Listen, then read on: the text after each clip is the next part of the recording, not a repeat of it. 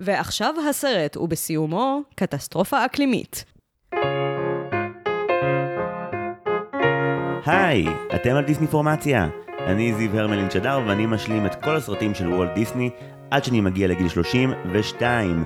והיום אנחנו נדבר על עולם מוזר מ-2022 עם חברה שהיא מבקרת קולנוע, יוטיוברית, כותבת בעין הדג, וואלה תרבות, טיים אאוט ומגישה יחד עם פבלו אותין את הפודקאסט קבוצת ביקורת. נעמה רק, שלום רב. שלום. מה העניינים?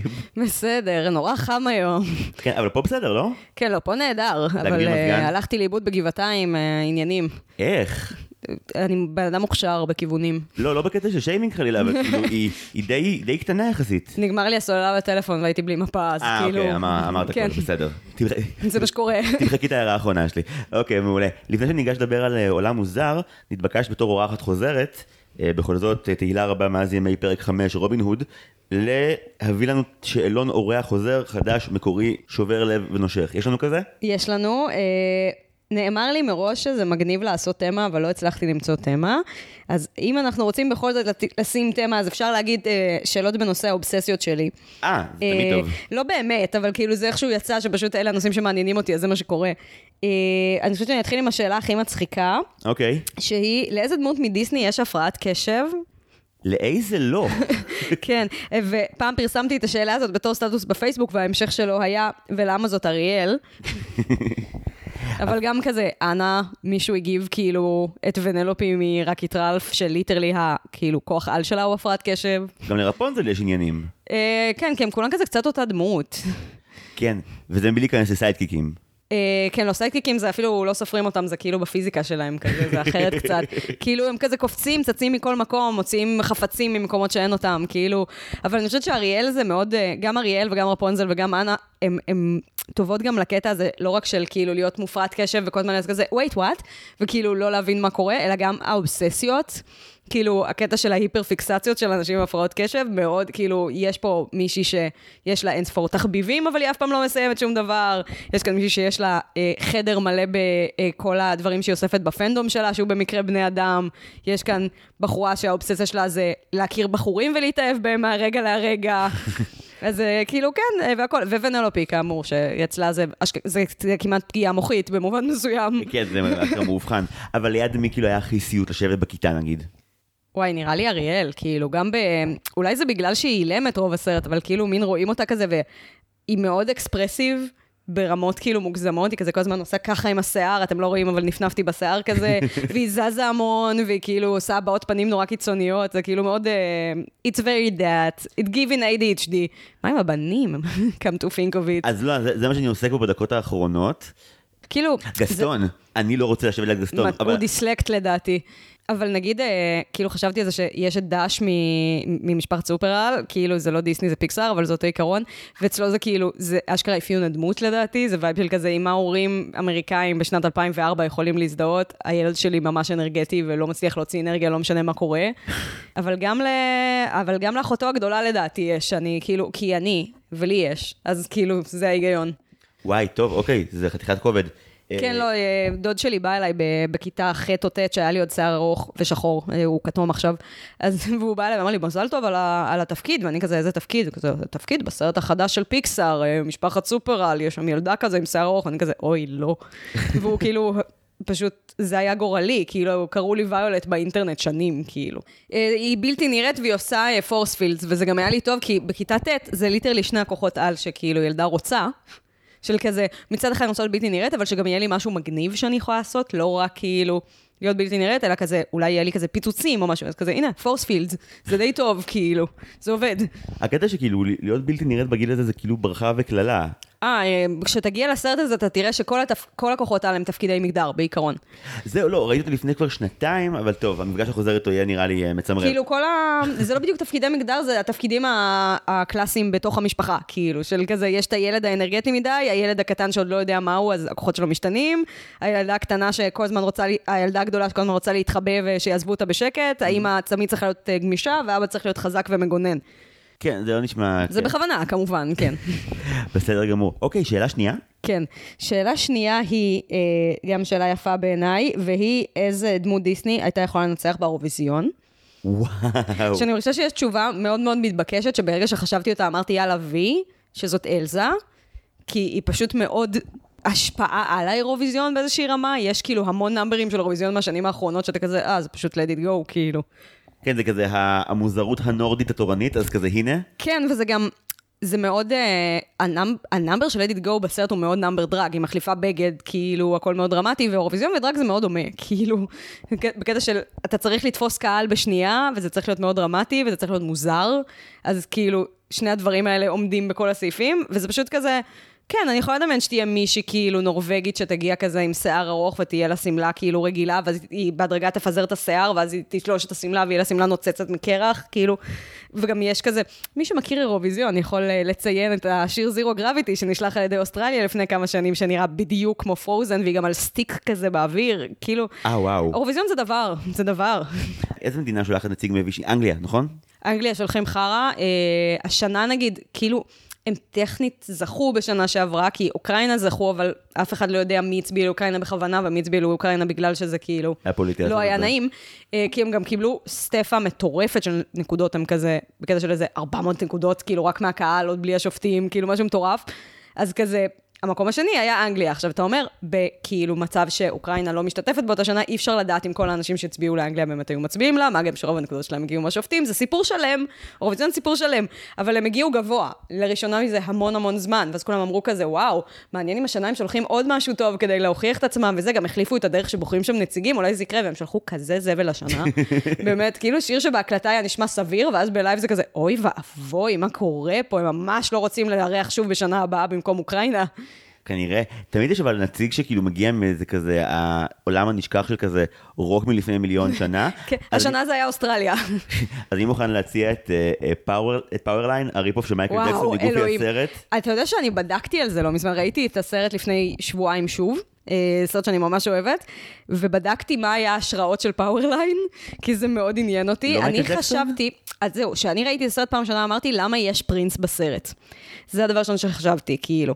אז בדקתי את זה, ואכן ההשפעות העיקריות אה, זה פרינס, בובי בראון ומייקל אה, ג'קסון, כאילו יש שם תנועות שהן literally גנובות ממייקל ג'קסון, זה הגיוני, אבל, ואז הייתי כזה, מה כתוב פה דיוויד בוי באופציות? הוא לא שחור, על מה אנחנו מדברים חמודים שלי? והתשובה היא שפשוט הבן אדם שעשה את הסרט אמר שזה יהיה חמוד, אם לדמות שכולם מעריצים יהיה כאילו character. כזה של כזה, שזה יהיה משהו תיאטרלי, ואז כאילו מישהו אמר, אולי הוא חשמלי. וזה היה פשוט הרפרנס, הוא אמר כאילו, אני אוהב את זה שלדייוויד בוי יש דמויות, אני רוצה שלפאוורליין יהיה דמות, אז כזה, אוקיי, I guess he's electricity now. לא ידעתי את זה. טוב, זה קטע. זה מעולה ממש. אז זהו, הייתי שולח לפאוורליין, אבל אלזה היא בחירה מעולה לאירוויזיון. אני חולה על פאוורליין, ואני חולה על גופי הסרט, אני ממליצה בפה מלא. את בפודקאסט הנכון, אנחנו מרימים לו כל השבוע, בתקווה להעלות את המקום שלו בצפיות. כן, אני בטוחה שבגלל שיש כל כך הרבה מוזיקה בדיסני, אני בטוחה שאם הייתי חושבת על זה עוד חמש דקות, הייתי מוצאת עוד דברים מצחיקים, אבל צריך נראה לי להיות גיק אירוויזיון קיצוני, כאילו, בשביל להבין את הבדיחות שאני הולכת להגיד פה. או שבאירוויזיון הבא פשוט נעשה אה, מצעד אה, מצעד לידי האירוויזיון, אה, אני פנויה לזה באירוויזיון הבא. ואני אגיד עכשיו, אני אעשה פה התחכמות, ואני אגיד שבגלל שזה סרט בין היתר על הורות, אז רציתי לשאול מי ההורה הכי טוב בדיסני, אבל אז תוך כדי... אמרתי כזה, אני רוצה לראות איזה עוד שאלות אנשים שאלו, אז האזנתי לפרקים קודמים של אורחים חוזרים. אוקיי. Okay. ואחד מהדברים ששמעתי זה, אני לא זוכרת, נראה לי זה היה פרק עם יונתן צוריה, אה, שהוא אמר איזה מדבב היית מחליף. ואז אני אמרתי, שאלה יותר טובה, איזה שחקן שעוד לא דיבב בדיסני היית רוצה שידבב דמות בדיסני? וואי, מהארץ ומחו"ל. מה שאתה רוצה. כאילו, חשבתי על זה תוך כדי, בקטע של מה, כאילו, ישראלים זה ממש, כאילו, מתבקש לענות בדברים האלה, אבל נגיד גל גדות דיבבה בדיסני ולא שומעים שזאתי, זה לא כזה מיוחד כשזה אנגלית, כאילו. נכון, אבל נגיד, אם היו עושים עכשיו משום מה עוד גרסה להרקולס ואתה תדבב עוד פעם, וואו. אז אודי ואביעד לכאב ופחד, נראה לי ממש כיף. זה מעולה. זה צריך לעבוד, לא שאני רואה סרטי דיסני בדיבוב כבר כמה שנים, אבל כאילו, you know, זה יכול לעבוד בעיקרון. לי יש תמיד את אותן שתי תשובות, אחת רלוונטית, אחת לא רלוונטית. הלא רלוונטית זו דויד בוי כי הוא מת. אבל uh, הוא היה יכול לעשות את זה טוב. בדוק. הוא היה יכול לעשות את זה טוב מאוד. מצד שני, כאילו, בפעם האחת שהוא דיבב בסרט מצויר, מה שנגמר בזה זה ארתור והמינימונים. והדמות הכי פדופילית בעולם בערך, אז נראה לי שאני אוותר. uh, והתשובה השנייה שלי זה ווילם דפו, אובססיה השנייה. כנבל או כמה? אני חשבתי שהוא יכול להיות נבל מדהים. כאילו, אני יודעת שהוא דיבב באחת הגרסאות האמריקאיות של סרטי ג'יבלי, מהלא טובים, כאילו יש כזה, אני לא יודעת אם מי פה אוהב אה, מיאזקי, אבל אה, הבן של מיאזקי גם במאי, והוא לא כל כך טוב. והוא עשה סרט לא כל כך טוב שנקרא הקוסם מארץ ים, שבו וויליאם דפו מדבב אה, אה, וילן, שאני חושבת שבמקור היה לו מדבבת אישה, אני לא יודעת למה החליטו לתת אותו כאילו למדבב באנגלית, אבל זה מה שקרה. Uh, וזה לא טוב, אבל לא בגללו, בגלל הסרט. סרט גרוע מאוד. אבל אני חושבת שהוא יכול להיות, א', וילן דיסני מדהים בסרט לא מוזיקלי, כי אני לא חושבת שהוא שר, אולי כן, אני אשמח להיות מופתעת. Uh, אבל כאילו, מין אני יכולה לדמיין אותו גם בתור כזה מנטור מבוגר חכם. כזה בקטע של כזה, אתה בכלל לא עושה את זה נכון, אני אראה לך איך לעשות את זה נכון. אני מעדיף, אני מעדיף את זה, האמת, נראה לי, זה יותר מיוחד. אבל הוא וילן מדהים, כאילו, כשנותנים לו להיות villain, הוא עושה דברים משוגעים. אני מסכים לגמרי.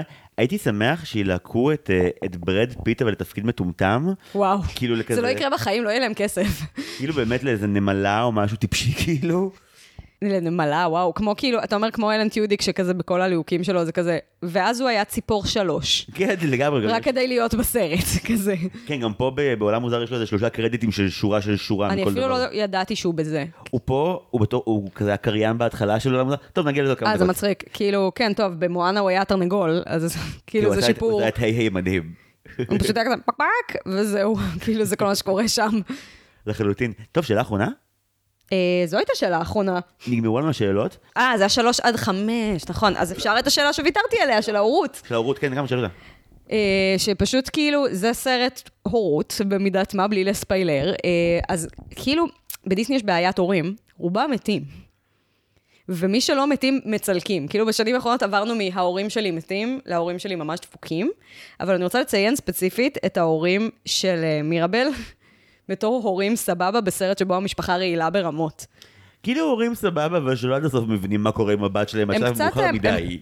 הם, הם קצת בעיקר כאילו סנג'רים של הסבתא, כאילו בקטע של האימא בשום שלב לא באה לאימא שלה ואומרת לה, את יכולה לרדת מהגב של הילדה המסכנה שלי, אבל מצד שני, כאילו, אהבתי את זה שהאבא כאילו ממש awkward כמו מירבל, כאילו שהוא כמוה, הוא לא אבא מושלם כזה, כאילו, יש uh, את הקטע הזה של הרבה הורי דיסני, כאילו, יש חלוקה, כל אבות דיסני של ה nineties, או שהם כאילו manly man כמו uh, טריטון ואז הם רעילים, או שהם כאילו אבות חמודים וחסרי גבריות, uh, uh, כמו כאילו הסולטן, או אבא של ג'יין מטרזן, ופה אני אגיד שגם אבא של ג'יין מטרזן הוא הורה מדהים, נכון. ורואים שהוא והבת שלו באמת חברים בלי קשר לזה שהם אבא ובת. נכון, הוא הורה מצוין. אני גם אציין אה, בשבחה את קנגה. או, כנראה המסכנה, כל כך רילייטבול, היא הבלוי המקורי. אתה רואה בלוי? אני, הרשימת צפייה שלי, כאילו, כל יום עוד מישהו אומר לי לראות אותה, ועדיין לא יצא לי. זה פשוט, זה פרקים של שבע דקות, אז זה מאוד קל כאילו לתקתק אותם. אה, זה פשוט סדרה שהקטע שלה, זה כאילו, זה סדרה לילדים שפשוט הורים ולא הורים יכולים ליהנות ממנה באותה מידה. אה, כל פרק הוא שבע דקות, והם ממש יפים ומושקעים.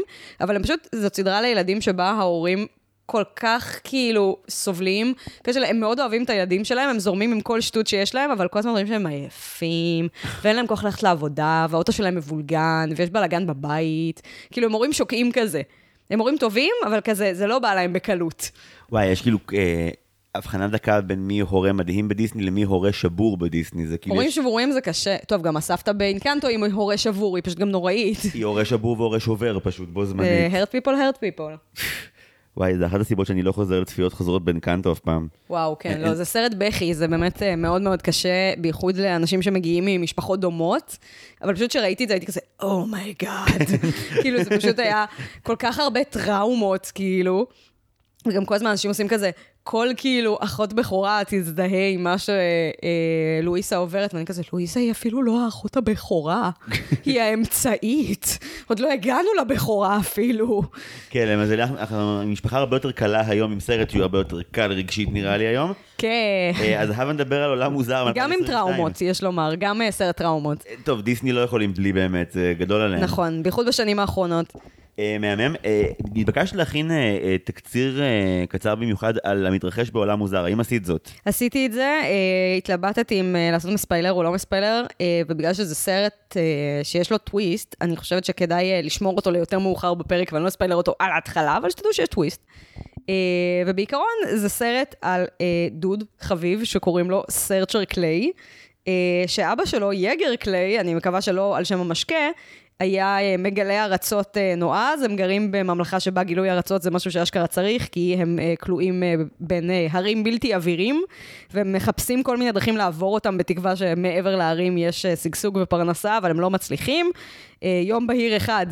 מגיעים אה, לנקודת מפנה של אנחנו יכולים לחזור ולשקם את החיים שלנו, או להמשיך לנסות לעבור, האבא מחליט להמשיך לנסות לעבור, הבן שלו חוזר, הופך לגיבור בבית, סוג של ממציא תחנת הכוח הפחמית, עד שיום אחד באים ואומרים לו, אתה חייב לצאת להרפתקה אחרונה, אה, למרות שכבר פרשת מעסקי הרפתקנות, עם הבן שלך. וככה אנחנו חוזרים לטראומה בין-דורית. חשבת שיש לך חיים רגועים? לא, לא, לא. נחזיר אותך למקום שאתה הכי שונא בעולם, שהוא להיות בטבע. מושלם. כאילו מי שגדל על גופי הסרט מקבל את זה עכשיו עם עוד דור, פשוט אהבתם את זה עם אבא ובנו, עכשיו קבלו גם סבא. כן, הסבא האבוד. את הובאת לכאן בין היתר כי את למעשה אה, המבקרת הבולטת ביותר שאהבה את הסרט. שטרחה לראות את הסרט. בוא נתחיל מ... התחילה, בכלל ראתה אותו, כי הקרנת עיתונאים שלו הייתה ב-11 בבוקר ביום שבת. מה? אז השמועות נכונות, דיסני באמת ניסו לקבור את הסרט הזה. קודם כל, היו עוד כמה סרטי דיסני שהוקרנו בימי שבת בבוקר, אבל אה, כן, זה בעיה. יש שם בעיה. אה, בוא נגיד, רק את רלף 2 הוקרן בערב, באמצע השבוע, כמו רוב הסרטים שמוקרנים בארץ, כאילו הקרנות עיתונאים. ודיסני לגמרי ניסו לקבור את הסרט הזה, ותוך כדי שראיתי אותו, הייתי כזה, וואו, הם ממש לא מאמינים בסרט הזה, אה? כאילו ראיתי אותו והייתי כזה, it's not that bad. ואם זה לא כזה רע, זה אומר שיש להם בעיה אחרת. חד משמעית.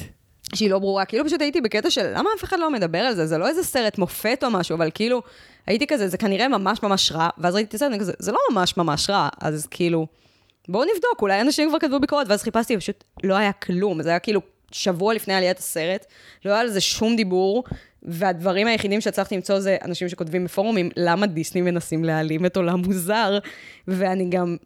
בתור בן אדם שהוא כאילו גיק דיסני שקרא ומכיר את ההיסטוריה של סרטים אחרים שדיסני ניסו להעלים, כמו נגיד כוכב המטמון, שבאמת סרט קצת דומה, זה פתאום היה כזה, זה עוד פעם Treasure Planet, הם עושים אותו דבר, כאילו, הם ממש עושים את אותו טריק של להוציא אותו בלי כאילו לקדם אותו לפני, בלי צעצועים, בלי שום באז, ופשוט, לך תהנה, לך תזדיין כאילו לקולנוע, שיהיה לך בכיף, ונראה איך ילך לך בלי הגב שלנו. קראת שהיה מפיק משותף לשני הסרטים? לא, האם זה בגללו? האם דיסני שונאים אותו? אני תוהה לגבי זה, כי ממש לא מגיע לו, הוא עשה כאילו שני סרטי הרפתקאות מגניבים לגמרי באולפן, וזה כאילו... אז יש לי תיאוריה לגבי העניין הזה של הסרטי הרפתקאות, אני חושבת שדיסני לא כל כך מאמינים בקונספט. אז למה הם ממשיכים לעשות? אני חושבת שבאיזשהו שלב, קודם כל, יש לי כמה תיאוריות. תיאוריה מספר אחת היא התיאוריה הקונספירטיבית שעלתה הרבה באינטרנט של יש פה הומואים. אה, שזו התיאוריה גם הכי הגיונית לדעתי. היא כאילו הכי הגיונית, אבל זה דיסני. אם הם באמת לא היו רוצים הומואים, הם לא היו עושים. כאילו, היה כל כך הרבה פעמים בעבר שהם פשוט מחקו, או לא עשו מלכתחילה, כאילו, עלילות להט"ביות, הם יכלו פשוט להמשיך לעשות את זה. אז התיאוריה השנייה שמשלימה את זה, היא שזה שאריות מפשוט בן אדם אחר. היה, היה חילופי מנהלים בדיסני. בוב אייגר, שניהל את דיסני הרבה שנים, עזב, הגיע דוד אחר שעכשיו ברח לי השם שלו, אה, והוא גם עשה את זה לאיזה שנה וחצי, כי הוא היה ממש גרוע, ובוב אייגר חזר. בקיצור, עם כל החילופי מנהלים, ה vibe זה שפשוט הסרט הזה קצת נדפק, כזה של אף אחד לא באמת האמין בו, והוא פשוט, אנשים נתקעו איתו כזה של המנהל הקודם הביא אותו, slash המנהל הקודם לא השקיע בו מספיק. כאילו, היה שם כל מיני עניינים לדעתי, כי כמעט תמיד כשיש כאלה סיפורים, זה נגמר במישהו שהאמין בזה עזב את החברה, ואז כאילו לא היה להם אכפת. אה, ועוד תיאוריה שהיא מאוד מאוד נפוצה זה שפשוט זה היה בגלל ששנות אור ממש נכשל, והוא יצא פחות מחצי שנה קודם, והם קצת דומים. כן, כאילו, אבל, אבל סרטים... העולם מוזר הוא סרט הפתקאות כל כך יותר חמוד משנות אור. כן, שפשוט, אני חושבת שהם פחדו שאחרי שהם הפסידו, כאילו זה יותר העניין הז'אנרי של, אם עשינו סרט מדע בדיוני שאפתני, מוזר, עם הומואים, ועכשיו אנחנו עושים עוד סרט מדע בדיוני שאפתני מוזר עם הומואים, אז אנחנו נתקשל שוב. ואנחנו לא רוצים להפסיד את הכסף הזה שנייה, לפני שאנחנו נכנסים לחגיגות המאה הסופר יקרות שלנו. אה, וזה קצת מה שקרה. שזה גם אירוניה, כי זה הסרט הראשון שיש בו את הלוגו של הדיסני 100, 100 Years of Wonder, וזה על הסרט שהם גנזו, זה כאילו ממש יצא עקוב. תשמע, אני גם, נגיד, אני מבינה, אם זה היה בקטע של אנחנו משקיעים בסרט הזה, אבל פחות, אבל נגיד, הכי בסיסי, תסתכלו על הקידום של הסרט הזה, לעומת הקידום של אבטאר, של, אה, של אבטאר 2, בדיוק. שיצאו לא כזה רחוק אחד מהשני, כאילו גם לא באותו שבוע, אבל כאילו היו יחסית קרובים אחד לשני, ואבטאר 2 פמפמו אותו, כאילו, השארתי את השם שזה אבטאר אה, דרכם של המים, שאני לא אהבתי, אני- באופן די כאילו... אני עדיין מנסה להבין, יש מלא אנשים שאהבו, ולא בקטע רע, אבל כאילו, זה היה כל כך הרבה זמן. זה היה מאוד ארוך. וקרה כל ו- כך קצת. אני לא אוהבת בכללי, כאילו, אבטאר הראשון גם לא כזה עניין אותי, אני, it's not for me הסרטים האלה, אין לי בעיה איתם, הם לא מעצבנים אותי או משהו. סרטי החוקרים מגלים עולם מופלא? לא, בקטע של, כאילו, אבטאר ספציפית, הפרנצ'ייז הזה לא כזה מעניין אותי, אני לא חושבת, אני לא אוהבת את האסתטיקה, כאילו, שום דבר שם לא עובד לי, חוץ מכזה, אה, וואו, מגניב, כן, אתה נשאב לעולם, אבל זה לא מספיק עושה לי את זה בשביל להגיד כזה, וואו, התסריט הזה לא בשקל.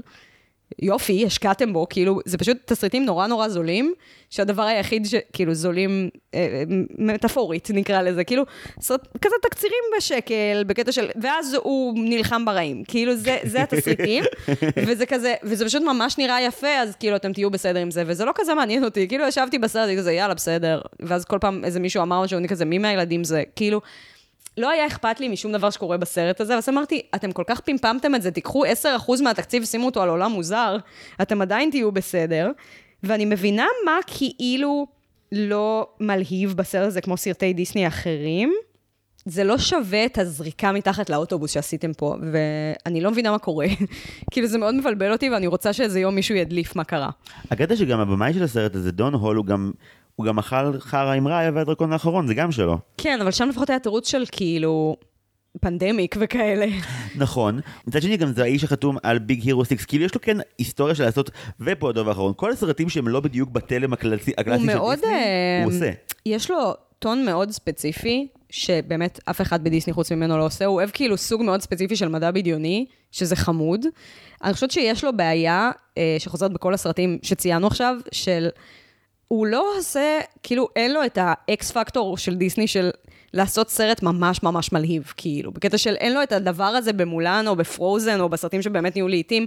של כזה וואו, כאילו הרגע הזה ש, ש, שגורם לילד להיות אובססיבי לסרט. אלה סרטים חמודים, יש בהם משהו קצת חינוכי בכל אחד ואחד מהם, הם קצת כזה מרגישים כמו שיעורים, ומאוד מאוד מסובכים עיצובית, כאילו כל אחד מהסרטים האלה, תשים לב, כאילו ב Big Hero 6 יש את ביימקס, וזה הדבר שהוביל את הקמפיין השיווקי של הסרט ב-100%, כאילו בקטע של בפוסטרים לא רואים שום דבר חוץ מביימקס, וכאילו הירו עומד לידו ומחזיק משהו בדרך כלל, כי כזה זה הדבר הכי פשוט בסרט, וכל שאר הדברים זה כזה, העיר היא חצי סן פרנסיסקו וחצי טוקיו, אבל מאוד מאוד עמוסה בפרטים, וכאילו הדמויות לא כזה catchיות למראה, כאילו בקטע של, יש דמות שהיא מאוד גבוהה ויש לה המון בגדים, ויש דמות שהיא יותר נמוכה והיא אוהבת אופניים, כאילו הכל כזה מאוד מורכב יחסית גם לסרט עבור ילדים. מופיעות לשנייה וחצי. כן, ואז בראיה בכלל זה כזה, יש לה sidekick, אבל הוא מין כאילו פנגולין ענק שיכול להתקפל, והבגדים שלה נורא מורכבים, והעיצוב כאילו מאוד כזה עמוס. כל עיר שהם מגיעים אליה מפוצצת בפרטים, ויש לך איזה חמש דקות לקלוט אותה, ואז כאילו בעולם מוזר, פשוט יש מלא מלא מלא רעיונות, ודווקא הדמויות הראשיות זה כזה, זה לא עיצוב יפה. כאילו הרקע מהמם, הרקעים כאילו של העולם המוזר בעולם מוזר, הם נורא נורא יפים. ונורא מפורטים, ואז כאילו הדמויות עצמם הן לא כל כך יפות. כאילו העיצוב דמויות הוא מכוער ועמוס, ואני, כאילו, מכוער, הוא, הוא נראה בסדר, הוא לא נוראי, זה עדיין דיסני, אבל הוא לא כזה... הסגנון הרגיל שיש לדיסני של מואנה, יש לה שיער ארוך ומטולטל, והיא לובשת בגד אה, פולינזי. אלזה, יש לה שמלה נוצצת והיא בלונדינית, אצלם זה כזה, ופה יש לו חגורה, ופה יש לו זה, ויש לו מכנסיים עם מלא כיסים, והשיער שלו הולך בכיוון כזה, והאף שלו ככה, כאילו, המון המון פרטים קטנים, זה נורא מפורט, זה לא כאילו קריקטורי כמו הרבה דמויות דיסני אחרות, אז זה לא קאצ'י באותה מידה. כן, וגם לעין של הצופה האידיוט להלן אני, זה היה כזה מין, hmm, זה כאילו, הקרודים הם כבר לא אנשי מערות, אני לא יודע, הם כאילו...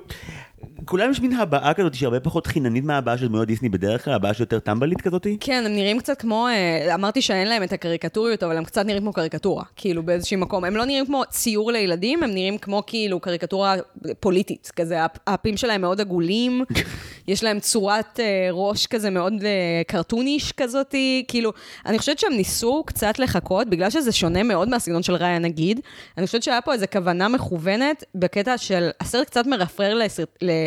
לספרי pulp ולכאילו סרטי הרפתקאות. מה זה אומר, מתקופה- לטובת מי שלא על זה? ספרי אוקיי, pulp. pulp זה בעצם אה, מה שאנחנו קוראים לו ספרות זולה, כי זה pulp fiction, זה literally אותו reference, זה פשוט אה, או ספרים זולים או חוברות קומיקס שיצאו כזה בחצי הראשון של המאה ה-20 נקרא לזה, כי זה נפרס על פני כמה עשורים.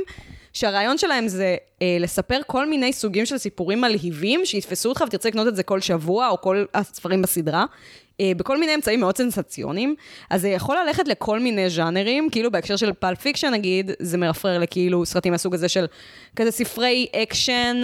מאוד מאוד אלימים, ועם הרבה כאילו סיפורים של, ואז הוא לקח את אשתו של המאפיונר, ולקח אותה לזה, ושומעים, הוא אה, נרצח בגלל שהוא עשה לה עיסוי רגליים. רק זה היה צריך בשביל לחסל אותו. כאילו כל מיני כזה סיפורים כאלה, ובהקשר של זה, זה נגיד סוג של אותו רפרנס כמו ב Up, באיזושהי רמה, Up גם מרפרר קצת לדברים האלה, שזה קצת pulp fiction וקצת אה, יומני אה, חדשות בטלוויזיה, של גיבורים שיוצאים למסעות בעולמות מופלאים, של כזה, יש את ההרפתקן הזה, והוא יצא אה, ליבשת אפריקה, שם הוא נתקל בשבט שאף אחד לא פגש מעולם. כאילו, כל מיני סיפורים מופלאים ומוזרים על אנשים שמגיעים למקומות שאתה לא תגיע אליהם בחיים, כי, כי הם לא קיימים, אבל כאילו, לצורך העניין הם מוצגים בתור משהו אמיתי, וזה גורם לך בתור ילד להגיד, וואו, העולם כל כך גדול ומלא הפתעות, וכאילו, ה-strange world זה ממש כאילו... הכי זורק אותך לסוג כזה של מגזינים, והסרט מאוד מתחיל כאילו עם, עם אנימציה כזאת, הוא מתחיל עם אנימציה דו-מימדית של כזה... באמת הייתי למה זה נורא מזכיר לי את Up בהתחלה. כן, סיפורם של משפחת אה, קלייד המופלאה, יש להם שיר כאילו של יגר קלייד, הוא כל כך גברי, וואו, מדהים, הוא מנצח מפלצות, ואז זה כזה... הבן שלו, סרצ'ר קלייד, הוא גם ממש מגניב, הוא אוהב צמחים. זה כזה השיר, כזה הוא מתעניין בבוטניקה, ואז רואים בינתיים בציור הדו-מימדי את יגר תולש את הבן שלו מאיזה שלולית שהוא נפל עליה, כי הוא לא טוב בלהיות הרפתקן. כן, זה מקסים, אבל להבדיל מ Up, כאן השימוש ב... בדמותו באמת של ההרפתקן כמשהו שלפני באמת כמאה שנה היה זוהר, זה אחלה דרך לפתוח את כל העניין של הפער הבין-דורי, שהסרט ממש מתעסק איתו בצורה חמודה להפליא. כן, מאוד. וגם נראה לי שמה שחמוד בזה, זה שכאילו הם לוקחים את הרעיון הזה של, נגיד, פלפ היה בין היתר פופולרי בשנות ה-40 וב-50, שזה היה ממש רגע לפני שהעולם השתנה. פשוט שהעולם שלהם השתנה בדרך אחרת מהעולם שלנו. כאילו, אצלם זה בקטע של המציאו רק בשנות ה-40-50 את הטכנולוגיה. כאילו, לא היה טכנולוגיה קודם. זה בקטע של הם היו הולכים כאילו, וכזה, אנחנו הרפתקנים עם רובים וכאלה, זה הטכנולוגיה הכי מתחכמת שיש, ואז זה כזה, אני אפילו לא בטוחה שיש להם רובים, נראה לי שיש לו להביור, ואז הם כזה, פשוט עוברים למין עתיד חצי סטימפאנקי כזה, הוא מוצא צמח, כאילו סרצ'ר מוצא... אה, צמח שהוא כמו חשמל בתכלס, מין כדורים ירוקים כאלה מחשמלים שקוראים לזה פנדו, שם מוזר ולא ברור. עוד אחד מהפרטים הקטנים של כזה, למה זה מרפרנס? יש מלא אקראיות. האם זה משהו ספציפי? אני אשמח לדעת, כי אם לא, זה סתם המצאתם? כאילו, אני לא יודעת, הכל כל כך כללי. ואז, אה, אה, כל כך ספציפי התכוונתי כמובן, זה בדיוק ההפך. אה, אז הם, הם עוברים למין עתיד אה, סטימפאנקי מוזר, רב-תרבותי מאוד, כאילו מין כזה, אנשים סתם מסתובבים עם בגדים שהם חצי קימונו יפני, אבל לא עד הסוף, אבל גם בגדי סיירים כזה.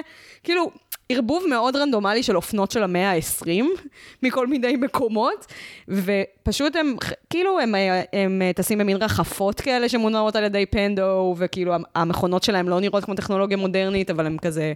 באמת קצת וייב של סטימפאנק, כאילו, הכל כזה נראה קצת מיושן בצורה חמודה, אבל הם אמורים לחיות בתקופה שלנו, כי הם משחקים משהו בין Magic ל Catan. הם משחקים Catan לגמרי. זה לא בדיוק, החוקים הם לא Catan. כאילו, בקטע של, הם קצת כן, אבל הקטע הזה של יש מלא קלפים וצריך לאסוף אותם, הייתי כזה, זה מאוד Magic. כאילו וייבים של Magic, אבל כאילו, הצורה של הקלפים היא Catan. כאילו, הצורה היא מין, איך קוראים לזה, hexagon? לצורה הזאת עם הרבה צלעות, שכחתי את השם. עם השמונה? נראה לי שזה אוקסגון. טוב, לא נראה שאת פה, או אני פה כדי להשוויץ גיאומטריה. להשוויץ ביכולת הגיאומטרית המלהיבה שלנו. שאין לנו, כן, לא. שלוש יחידות, ייי. גם, כבוד בעצמה. הפתעה מפתיעה שלא יכולתי לנחש בחיים. אנשים שלמדו קולנוע היו שלוש יחידות ההחלטה הכי טובה בתיכון שלי, hands down. כן, לא, מעולם לא התיימרתי ליותר. Uh, בקיצור, זה מאוד מוזר, הוא כאילו פשוט איש שהמציא את החשמל ומסתובב ברחוב ונותן לאנשים חשמל, כאילו מין כזה, בגלל של כזה שלום, באתי לקנות חמש חשמל, והוא כזה בבקשה קחי. אבל הקטע שהוא לא מתנהג כמו שר החשמל, הוא מאוד חמוד. לא, לא, הוא מאוד צנוע, אבא שלו החדיר לו הרבה מאוד modesty עם השנים. כאילו, הווייב הוא שהוא מציין גם במפורש שהוא חושב שאבא שלו היה אבא גרוע, ושקשה לו עם זה שיש האדרה של אבא שלו בגלל שהוא נחשב כמת. בכפר שלהם, זה מין כזה, יש, פסל, יש פסל של שניהם בתור כזה הגיבורים, והאבא מוצג בתור האיש שניסה למצוא לנו כאילו את, ה, את הדרך החוצה מהערים, והבן הוא כאילו זה שבזכותו הציוויליזציה שלנו נראית כמו שהיא נראית, ובבירור סרט שחושב שהוא יותר חשוב. כאילו זה מאוד וייב של כזה, בסדר, יאללה, מה אבא שלי כבר הצליח לעשות, וגם כאילו הוא מרגיש נטוש, כי אבא שלו בתכלס יכל לחזור איתם לעיר, והוא פשוט לא היה מוכן בקטע אגואיסטי של כאילו, אני רוצה למצוא את הדרך החוצה, ואם אתם לא רוצים לעזור לי, אני אעשה את זה לבד, זין עליכם, כאילו. יש, יש משהו בדמות שלי, יגר, שזה פשוט כאילו... כזה הדוד בארוחה המשפחתית בפסח שצריכה להסביר לו למה לגעת לבחור בתחת זה לא לגיטימי כבר 50 שנה. אבל יש לומר שהוא לא גזען ולא אה, הומופוב. כן. מציינים את זה ספציפית, כי הם חיים. כאילו, זה לא הציוויליזציה שלנו, כאילו, אנחנו מניחים, אני קיבלתי פשוט את הרושם שהומואים ומערכות יחסים בין גזעיות היו פשוט סבבה שם גם קודם, אז כאילו, זה לא שנות ה-50 שלנו פשוט. יש רגע שבו הסרט ממש בוחן אותך כצופה על כמה אתה נאור או לא, שכאילו הילד פשוט מגיע ליד הסבא שלו ומציין מפורשות את זה שכאילו... שיש לו קראש על דוד, כאילו. והסבא כזה, אה, ספר לי עוד על הדוד הזה. מה שממש אהבתי בזה, זה שהוא אומר לו, so... there's a guy, כאילו הוא לא אומר לו את זה ככה, הוא אומר את השם שלו, ואז הוא אומר, I really, really like him. ואז הוא עושה לו, well, if you really want to repress this fella, וזה כל כך הצחיק אותי שהוא בחר מילה ישנה, כאילו זה שכזה, הוא כאילו אומר, יאללה מגניב, כנראה, בגלל זה אני אומרת, כנראה שהיו הומואים כאילו כבר בתקופתו, היו, כאילו, היו בכל מקרה, אבל כנראה שהוא הכיר מערכות יחסים כאילו של גברים עם גברים, נשים עם נשים עוד קודם, אני לא אתפלא אגב גם אם אה, ראשת העיר שם היא אה, אה, בקהילה, נאמר זאת כך, כאילו בגלל שלא היה ברור אם היא בוטש לסביאן או כאילו משהו קווירי אחר, אבל כזה באה שם עם האנדרקאט שלה, ואני כזה שלום לך. מה יש גם בראיה, מה קורה עם האנדרקאט? זה יפה, זה יפה, אבל למה תמיד כאילו... בראיה, אגב, אני כאילו... יכולה לעשות קייס על זה שפשוט שתי הדמויות הראשיות בראיה, כאילו, כאילו, ראיה והבחורה השנייה ששכחתי את השם שלה, מהשבט, כאילו, השכן, פשוט היו מאוהבות, ואז זה כזה הדרך שלהם להגיד, היא לסבית, היא לסבית, שימו לב, יש לה אנדרקאט. אז יש, גם כשתמר עמית יוסף באה לפה לדבר על ראיה, גם חצי מהשיחה הייתה נטו על הדבר הזה, אבל כאילו... Because they're so gay, כאילו זה כזה ברור. אבל אם כבר כאילו, הנה הלכנו בדמות של איסן והוא לגמרי אופן לגיי בסרט, למה עדיין זה קשה לשחרר את זה עם הראשת עיר? כאילו, לא מבין את זה. עם ה... מה? עם הראשת עיר והאנדרקאט, כאילו? כן, כאילו בעולם של דון הול כזה, יהיה להם רק אנדרקאט והם אף פעם לא יצהירו על זה, בסדר? זהו, זה הקטע שאולי פיקסר היו כזה, בפעם האחרונה שהכנסנו לסביות לסרט, קיבלנו את שנות אור, אנחנו לא נותנים לך לעשות את זה שוב. וכאילו, אני לא אוהבת את שנות אור, אבל הלסביות בסרט היו הדבר הכי חמוד שהיה בו, וקצת רציתי שהסרט יהיה על החיים שלהם, בלי, בלי קשר לבאסטות אור הדוש. כן, גם יש משהו קצת מטריד בזה שכאילו, כשכבר יש משהו מהעולמות האלה, זה בעיקר בסרטים שהם יותר הארדקור פנטזיה ומדע בדיוני בדיסני. מה שהכי הצחיק אותי זה שאנשים כאילו באו בקטע של, מה?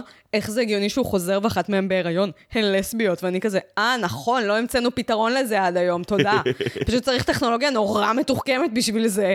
כאילו, כן, לא, אני ממש מבין איך הם יכולים לשבת החלל, ואני לא יכול לדמיין שום מצב ששתי נשים יכולות לעשות ביחד ילד. אני ממש לא יכול לדמיין שום מצב כזה. לא נגיד, אין דבר כזה בעולם לסביות שאחד מהם אולי טראנס, ואין דבר כזה בעולם תרומת זרע, ואין דבר כזה בעולם, כאילו, כל סוג אחר של טיפולי פוריות. זה פשוט כזה, איך... זה שני בנות, איך יוצא ילד, כאילו, מין כזה, מה אתם סתומים? מה יש לכם? מצדדים בביולוגיה.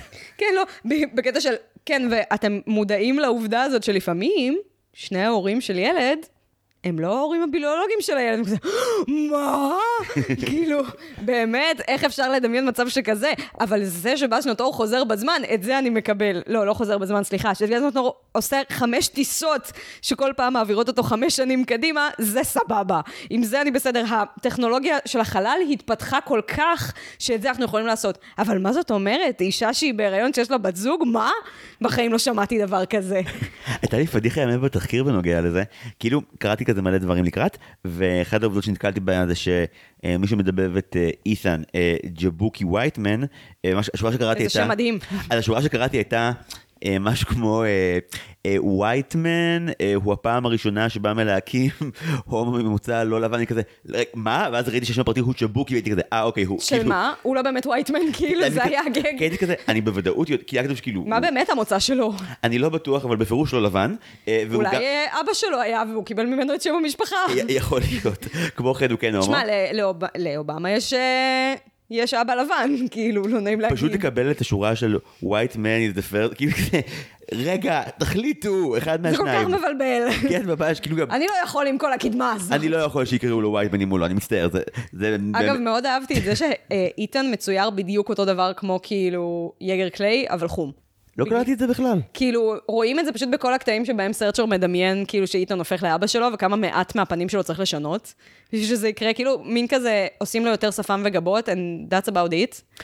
אגב, עוד הוכחה שהסרט הזה הוא לגמרי שואב מלא מגופי הסרט. כן, זה מאוד אופי הסרט כל הסיוטים. האלה שהוא הופך לאבא שלו, אז נגיד. אני מרגישה שלגופי מאוד יש את האלמנט הזה של, את אלמנט ההתלהבות הזה שדיברתי עליו, כאילו זה סרט שאתה רואה אותו כזה, This is the coolest movie, כזה, כאילו, קורה שם באמת העלילה הכי חנונית בעולם של כזה, אני רוצה להיות בבית ולשמוע מוזיקת רוק, אבל אבא שלי מכריח אותי לצאת איתו ל-road trip, כאילו, it's not cool. זה לא שמישהו יראה את זה ויגיד כזה, וואו, אני רוצה להיות בדיוק כמו מקס גוף, כאילו, קוראים לו מקס גוף למען השם. ומצד שני, אתה רואה את הסרט וכזה, This is the coolest shit ever, והם גם מדברים על זה שכאילו, ממש היה להם חשוב נגיד, שההופעה של פאוורליין בסוף תהיה כאילו really really cool. הם אמרו כאילו, אנחנו רוצים שמתי שנראה את זה, אז אתה באמת תבין למה מקס כל כך רוצה לעשות את ה road trip כדי להגיע כאילו להופעה של פאוורליין. ושהשיר יסחוף באמת. הם באמת כאילו הלכו והסתכלו על וידאוים של הופעות חיות כדי שהם יוכלו כאילו לעשות את העריכה שעושים בסרטי הופעות כאילו בצורה מרשימה וכזה, כאילו בקטע של, זה באמת היה להם ממש חשוב שזה ייראה cool ורואים. ואני חושבת שבסרט הזה כאילו היה להם חשוב הרבה מאוד דברים שאף אחד מהם לא היה, אני רוצה שילד בן חמש יראה את זה ויגיד זה ממש מגניב. כן, יותר מזה, כשאת מגלה בסופו של דבר, ופה כבר אפשר להתחיל לדבר על הטוויסט, כן. כשאת מגלה, רגע, לא דיברנו בכלל על העולם המוזר שהם מוצאים. זה, זה בא ביחד עם זה. העולם המוזר נראה בהתחלה כמו טריפ מאוד משונה ורנדומלי. הוא כמו איך שרציתי ש Quantumania ייראה. הסרט Ant-Man השלישי. חד משמעית. הוא כאילו מאוד, כאילו, יש, אה, צריך להמציא פעם שם לתת ג'אנר של סרטים שנראים כאילו הם בחלל למרות שהם לא. כאילו, כל סרט שהוא, הגענו לעולם מופלא, והעולם מופלא הזה הוא לא מחוץ לכדור הארץ. הוא כאילו איזשהו דבר בכדור הארץ, של כזה, האטלנטיס זה מתחת לים, אז יש פה דברים מוזרים. כל סרט שמתרחש מתחת לפני האדמה, כאילו, כל הדברים האלה, סרטים שאתה מתכווץ, סרטים שאתה מגיע לעולם העננים, כל מיני שיט כזה. ופה גם אתה כאילו, אומרים להם, הפנדור הזה, הכדורי חשמל שלהם, אז זה הכל מחובר, כאילו הפירות צומחים על גפן שהוא עם שורשים משותפים מתחת לאדמה, ועכשיו יש בעיה עם, ה, עם הצמחים, כאילו התבואה גרועה, ובגלל זה צריך ללכת למקום שבו נמצאים השורשים של הצמח הזה, ולמצוא מה פוגע בו. אז הם הולכים לשם, וזה מין כזה, השמיים ורודים, הכל חי, הרצפה זזה, כאילו, דברים שאתה חושב שהם איים הם בעצם מפלצות שזזות, כאילו, כל היצורים שם הם אמיתיים וחיים. ואז אתה אומר, איפה יש דבר? כאילו, מה, מה קיים בעולם שבו הכל חי ומנסה להרוג אותך כל הזמן? והתשובה היא, בתוך גוף האדם. במקרה זה יצור אחר, אבל כאילו אנחנו באוטובוס הקסמים. זה אוטובוס הקסמים, אנחנו בתוך צב ים, בתוך זה מערכת... הצב, נכון? אני לא הייתי בטוחה איזה יצור זה. זה צב ים, ואנחנו בתוך המערכת החיסונית שלו.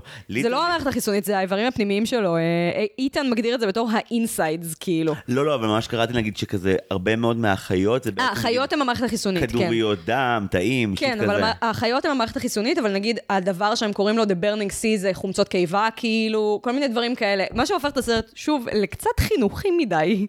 כאילו, פתאום אתה כזה... אני הייתי בשיעור על גוף האדם עכשיו, אני ארצח אתכם. הם מבלים שעה וחצי במפשעה של צב, זה הסרט. כן, זה הווייב, כאילו... שזה אכן עולם מוזר. הוא אומר לו כזה, כאילו, בדיסני פלוס נגיד, אה, תרגמו את ה insides, ל... היינו בתוך המעיים שלו, ואני כזה, literally, כן, הייתם במעיים של חיה, כאילו, זה דבר שעשיתם עכשיו. כן. והכל כזה ורוד ובצבעים מוזרים, אז זה הגיוני, כאילו, זה לא אדום, כמו שאתה יודע שהוורידים שלך נראים, אבל זה מאוד דומה.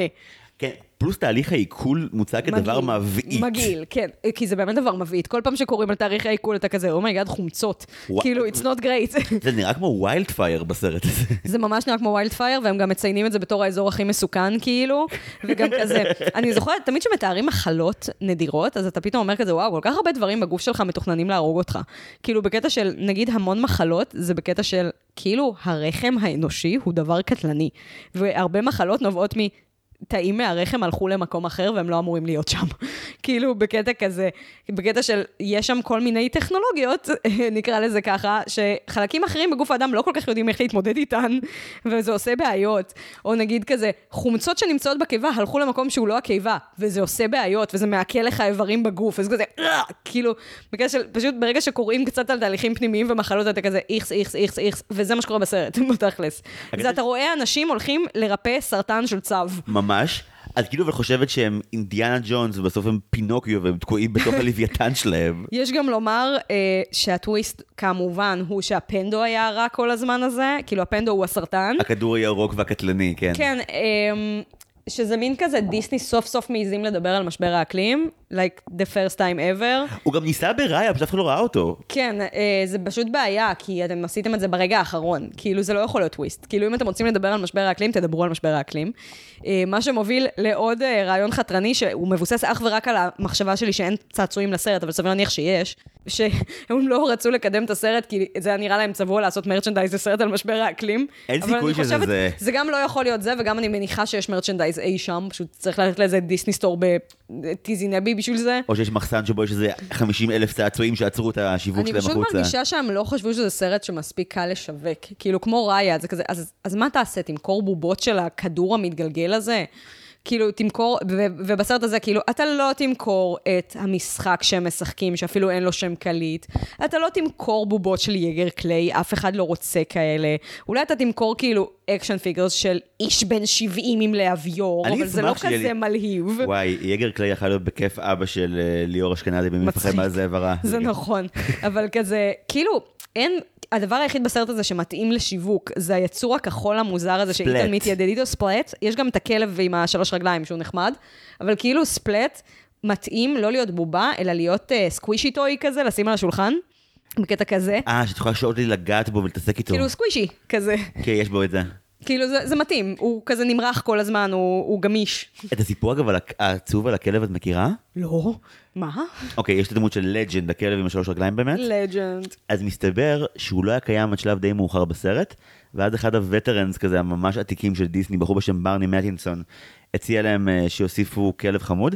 הם קראו לכלב לג'נד, כי הכינוי של ברני מטינסון היה לג'נד באולפני דיסני, והוא נפטר מאז. היה לי תחושה שזה מגיע לשם. זו העבודה האחרונה שהוא תרם למעשה לאולפן. זה מאוד מצחיק שיש להם כלב, כי כזה בשלב מסוים יש את ספלט, וזה מין כזה, הם קצת מתחרים על מי כאילו אז זה שוב, ה sidekick. זה שוב ה shit של היי היי ופועה.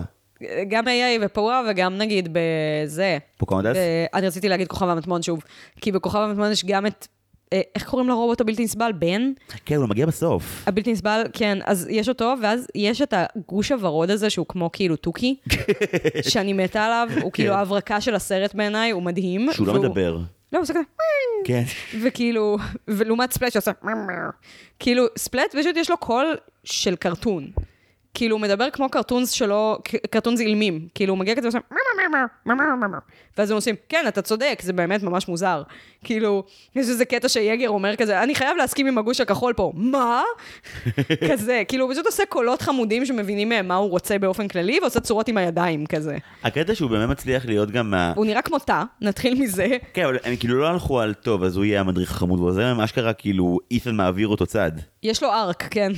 יש לו ארק שלם, הוא מעביר אותו צד, אבל אז איתן עובר צד, אז זה בסדר. כאילו, הוא בעצם מבין דרך ספלט, נראה לי, שמשהו לא בסדר. כאילו, הוא שם לב לזה ש... קודם כל, אנחנו מבינים פעם ראשונה שהפנדו הוא בעייתי, מתי שספלט משחק איתו ונפצע.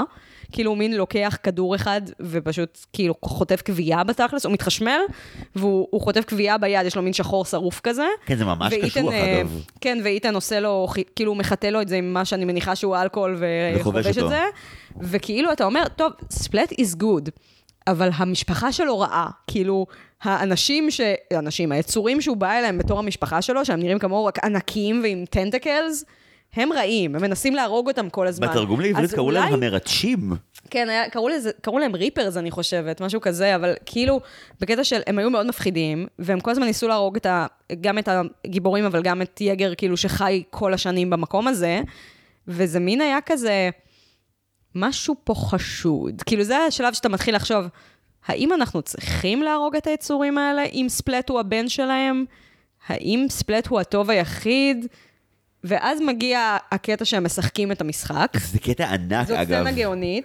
אני כאילו, דרך הסצנה הזאת הבנתי מה יהיה השליש האחרון זה בהכרח. הסצנה בסרט בעיקרון, כאילו, וזה מוזר להגיד על סצנה שבה משחקים קטן בתור סצנה הכי טובה בסרט, אבל היא פשוט נותנת לך את כל הכלים לפרש את מה התמות של הסרט, בקטע של, הם משחקים את הדבר הזה, קוראים לזה, לא יודעת, Primal Outpost, אני לא זוכרת איך תרגמו את זה לעברית, אני לא זוכרת מה זה outpost, אבל כאילו, זה קטן, זה המתיישבים מתיישבים של קטן, כאילו בקטע של משהו מגניב, קטן, משהו לא מגניב, מתיישבים. כאילו, כזה. אה, והם כאילו, משח... זה כמו משחק קלפים שיוצרים ממנו לוח, והם אוספים את הקלפים האלה, יש חבילות כאילו עם קלפים מתחלפים, בהתחלה שרוצים להציג את החברים של איתן, הם באים להביא לו כאילו קלפים של, יצאו, יצאה היום מהדורה חדשה, הנה אנחנו והבחור שאתה מאוהב בו, ואז הוא כאילו מוציא קלף של אה, מקצוע שיוצא לו מהחבילת אה, קלפים לאיסוף הזאת, ויוצא לו חקלאי. והוא מתבאס כי הוא ואבא שלו חקלאים, כאילו הם מגדלים פנדו, זה העבודה שלהם, והוא כזה רוצה להיות משהו יותר מגניב. אז חבר שלו לעתיד עושה לו כזה, אה, בוא, אני אחליף איתך, והוא נותן לו כאילו קלף של הרפתקן, ואומר לו, אני חושב שזה מתאים לך יותר. וזה כזה הפעם הראשונה שאנחנו מתחילים להבין שאיתן לא מרוצה מהמשפחה שלו. כאילו, הוא אוהב את אבא שלו ואימא שלו, אבל הוא רוצה לעשות משהו יותר מגניב מלגדל משהו. ואז יותר מאוחר בסרט, יגר וסרצ'ר יש להם אה, heart to heart, והוא שואל אותו למה החלטת להיות חקלאי, והוא אמר, אני אוהב להיות הבוס של עצמי. רמז רמז הייתה אבא גרוע, ואני אוהב את זה שאני מגדל משהו חזק ומטפח אותו להיות מה שהוא צריך להיות, ככה אני מרגיש שאני עושה גם עם הילד שלי, ואתה אומר כזה, הנה הוא אבא בריא וזה. אבל אז בסצנה הזאת שהם משחקים כולם את המשחק קלפים, אף אחד חוץ מאיתן לא מבין מה צריך לעשות. כאילו, הוא אומר להם, אתם צריכים, המטרה שלכם במשחק זה להתקיים בהרמוניה עם הציוויליזציה שלכם. כאילו, התנאים שנותנים לכם זה לא, יש מפלצת, תהרגו את המפלצת, אלא אתם צריכים להשאיר את המפלצת ולהשתמש בה איכשהו בתוך המשחק. הם מקבלים משאבים, המפלצת היא משאב כמו כל שאר המשאבים. כן, ויגר כל הזמן אומר, אני רוצה... אה, נשקים, הוא כל הזמן מנסה להחליף נשקים. ויש נשקים במשחק, הם פשוט משמשים לדברים ספציפיים, כזה הוא לוקח מספלט, כאילו, אה, יש לך קרוסבואו, אני אקח לך, כאילו, כזה. ונגיד יש איזה קטע שהוא אומר, כאילו, אה, סרצ'ר אומר, יש לי לבנים, אז הוא אומר, אה, מצוין, אפשר לזרוק לבנים. ואז איתן אומר להם, לא זורקים את הלבנים, כאילו, מין כזה... הוא מנסה כל הזמן להגיד להם, אתם לא אמורים להרוג דברים במשחק, זה לא מה שעושים במשחק, אין bad guys. ואז הם אומרים, מה זאת אומרת אין bad guys? הנה, יש פה עכביש מהגיהנום, הוא bad guy, והוא כזה, לא, כי אם הרגתם את העכביש מהגיהנום, אז עכשיו אין אה, טורף טבעי שיביס את הערבה המפליקה, או לא יודעת מה הוא אומר שם, ועכשיו בגללכם כל המשאבים שלכם נהרסו, וזה אמור לעניין אתכם, כי כאילו, אחד מכם הוא חקלאי, והשני הוא כאילו אמור להיות שורד, כרגע המקצוע שלו יותר שורד ממגלה ארצות. גם מואנה, אגב, הוא קצת סרט סביבתי, אבל בצורה הרבה פחות uh, מפורשת, אני חושבת. אבל הרעיון המרכזי שלו עובר גם לכאן, אותו עניין של כן. אין, אין באמת נבל. אין בד גייז. כן. כאילו, גם בראיה אפשר להגיד שלא היו בד גייז. כאילו, הרעים פשוט היו לא מובנים, נקרא לזה ככה, וברגע שכאילו כולם עבדו יחד, זה כזה מה שהביא את הפתרון. לא, הנבלים בראיה עושים dick move בהתחלה. כן, לא, יש אנשים, ואנשים הם מורכבים, ויש אנשים שעושים דברים רעים. זה כאילו המסר. זה גם, לצורך העניין, זה שיגר, שיגר קליי הוא לא ה bad guy, לא אומר שהוא לא היה אבא גרוע לבן שלו. כאילו, נכון. לצורך העניין. וזה שראשת העיר היא לא ה bad guy, לא אומר שהיא לא עושה כמה dick moves בסרט הזה, כאילו. אבל הנקודה היא שכמו שהוא literally צועק עליהם, there are no bad guys, you don't supposed to kill anyone, ואז כאילו, כדי להבהיר כמה הדבר הזה נכתב כנראה על ישיבת מערכת בדיסני, יגר קליי אומר, I mean, that's just bad storytelling. וכאילו, זה לא יפה. כאילו, זה פשוט היה קטע כזה של כל האנשים שבאים ועושים, למה אין יותר נובלי דיסני? אני רק רוצה לראות מישהו אייקוני וגיי שר. זה כן מדהים שבעידן שבו העולם מתמלא ביותר ויותר ג'פארים, הם נעלמים מסרטי דיסני. כן. אני מרגישה שזה, עם הזמן נהיה פחות ג'פארים ויותר כזה ג'אדג' פרולו.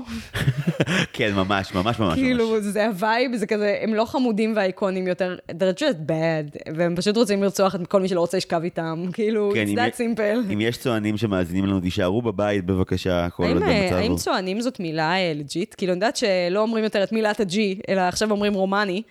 אה, אז אני תוהה האם אה, צוענים זאת מילה שמשתמשים בה, או שבעברית נהוג לומר בני רומא. אבל אם אני אגיד בני רומא, לא תביני בחיים שהתייחסתי לאזמרלדה. נכון.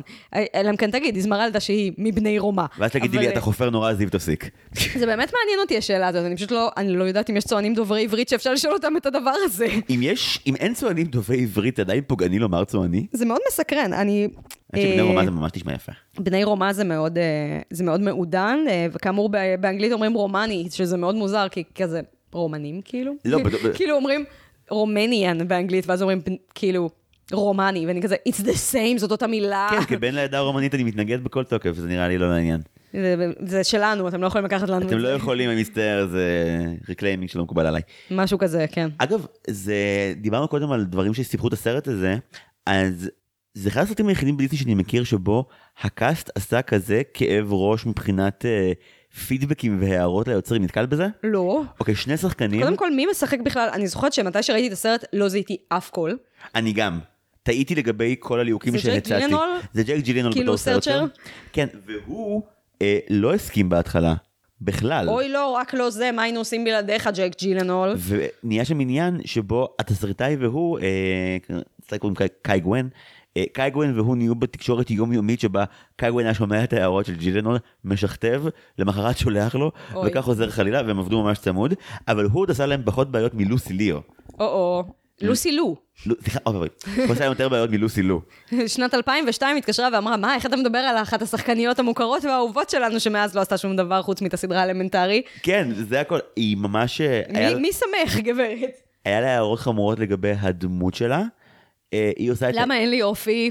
למה אני לא עושה כלום בסרט חוץ מדיק מובס? היא עושה אני את... אפילו לא יודעת מה, מה המקצוע של האישה הזאת, אבל היא כן, היא, היא המנהיגה של העיר הזאת, שהיא באה בקטע של כזה, היי, שלום, the plot has arrived, הגעתי להכריח אותך לצאת להרפתקה למרות שאתה שונא. אז היא הייתה יותר כלבה מסתבר במקור, ואז לוסי לו אמרה, לא, ואז הם אשכרה, אינני מעוניינת. הם שכתבו מחדש שוק שהיא עוד לא לוהקה, כדי לשכנע אותה להתלהק. וואו, אז אתה אומר שהקטע הזה של there are no bad guys היה בעצם דיס ללוסי לו?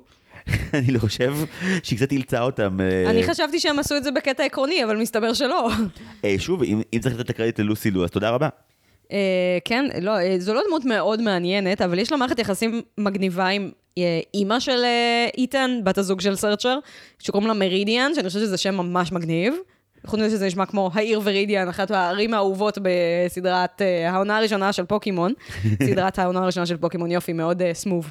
אבל אה, כאילו, פשוט היה שיר מאוד מגניב על העיר ורידיאן, כי זה היה המקום האחרון שאשי היה צריך ללכת אליו כדי להשיג תגים לליגה. יש לי הרבה אובססיות. איך השיר הולך? העיר ורידיאן, זה היה מאוד מגניב, זה היה כזה שיר כזה של ייי, אני הולך לעיר ורידיאן, זה היה כזה, ואתה כזה, וואו, יש פה גוספל, זה כאילו. גרסת ה"אני הוא הולך לבית שאן" של פוקימון. כן, זה היה ממש גוספל, כאילו, זה היה, אני זוכרת שמתי שהשיר הזה הופיע פעם ראשונה בתור שיר סיום לפרק, הייתי כזה, וואו, כאילו, it was really cool. בכללי, השירים של העונה הראשונה של פוקימון was dope, אבל כאילו, אני חזרתי להם לאחרונה. כן. לא, אנחנו הולכים לסיים את דיסני בעוד כמה חודשים, ואז הפודקאסט יצא להפסקת פוקימונים של חודש שבה רק לדבר על סרטים של פוקימון חודש. ואז לחזור לפיקסר. חבר'ה, יש פה חשיפה מרעישה. כן, אז אה, ביליתי בחצי שנה האחרונה מדי פעם בצפייה בסרטי פוקימון במקביל לעשייה לא של זה. טובים. אה, זה היה- זה היה מסע קצר וקשה. אוקיי, זה זה הפוקימון שלכם להפעם. אה, חזרה לעולם מוזר. אני הבנתי שהיה הרבה ויכוחים בחדר הכותבים על- על מה הסרט הזה, סיטואציה שמוכרת לנו ככותבים נראה לי. true. בתחילת דרכנו, אז זה קורה גם למקצוענים. והם הגיעו בסוף להחלטה שזה צריך להיות סרט על הפער הבין-דורי, וספציפית אם כזה בעבר, כזה בגוף וטרזן זה היה אה, אבא ובן, אז הפעם יש לנו פה את כל החבילה, שלושה גברים.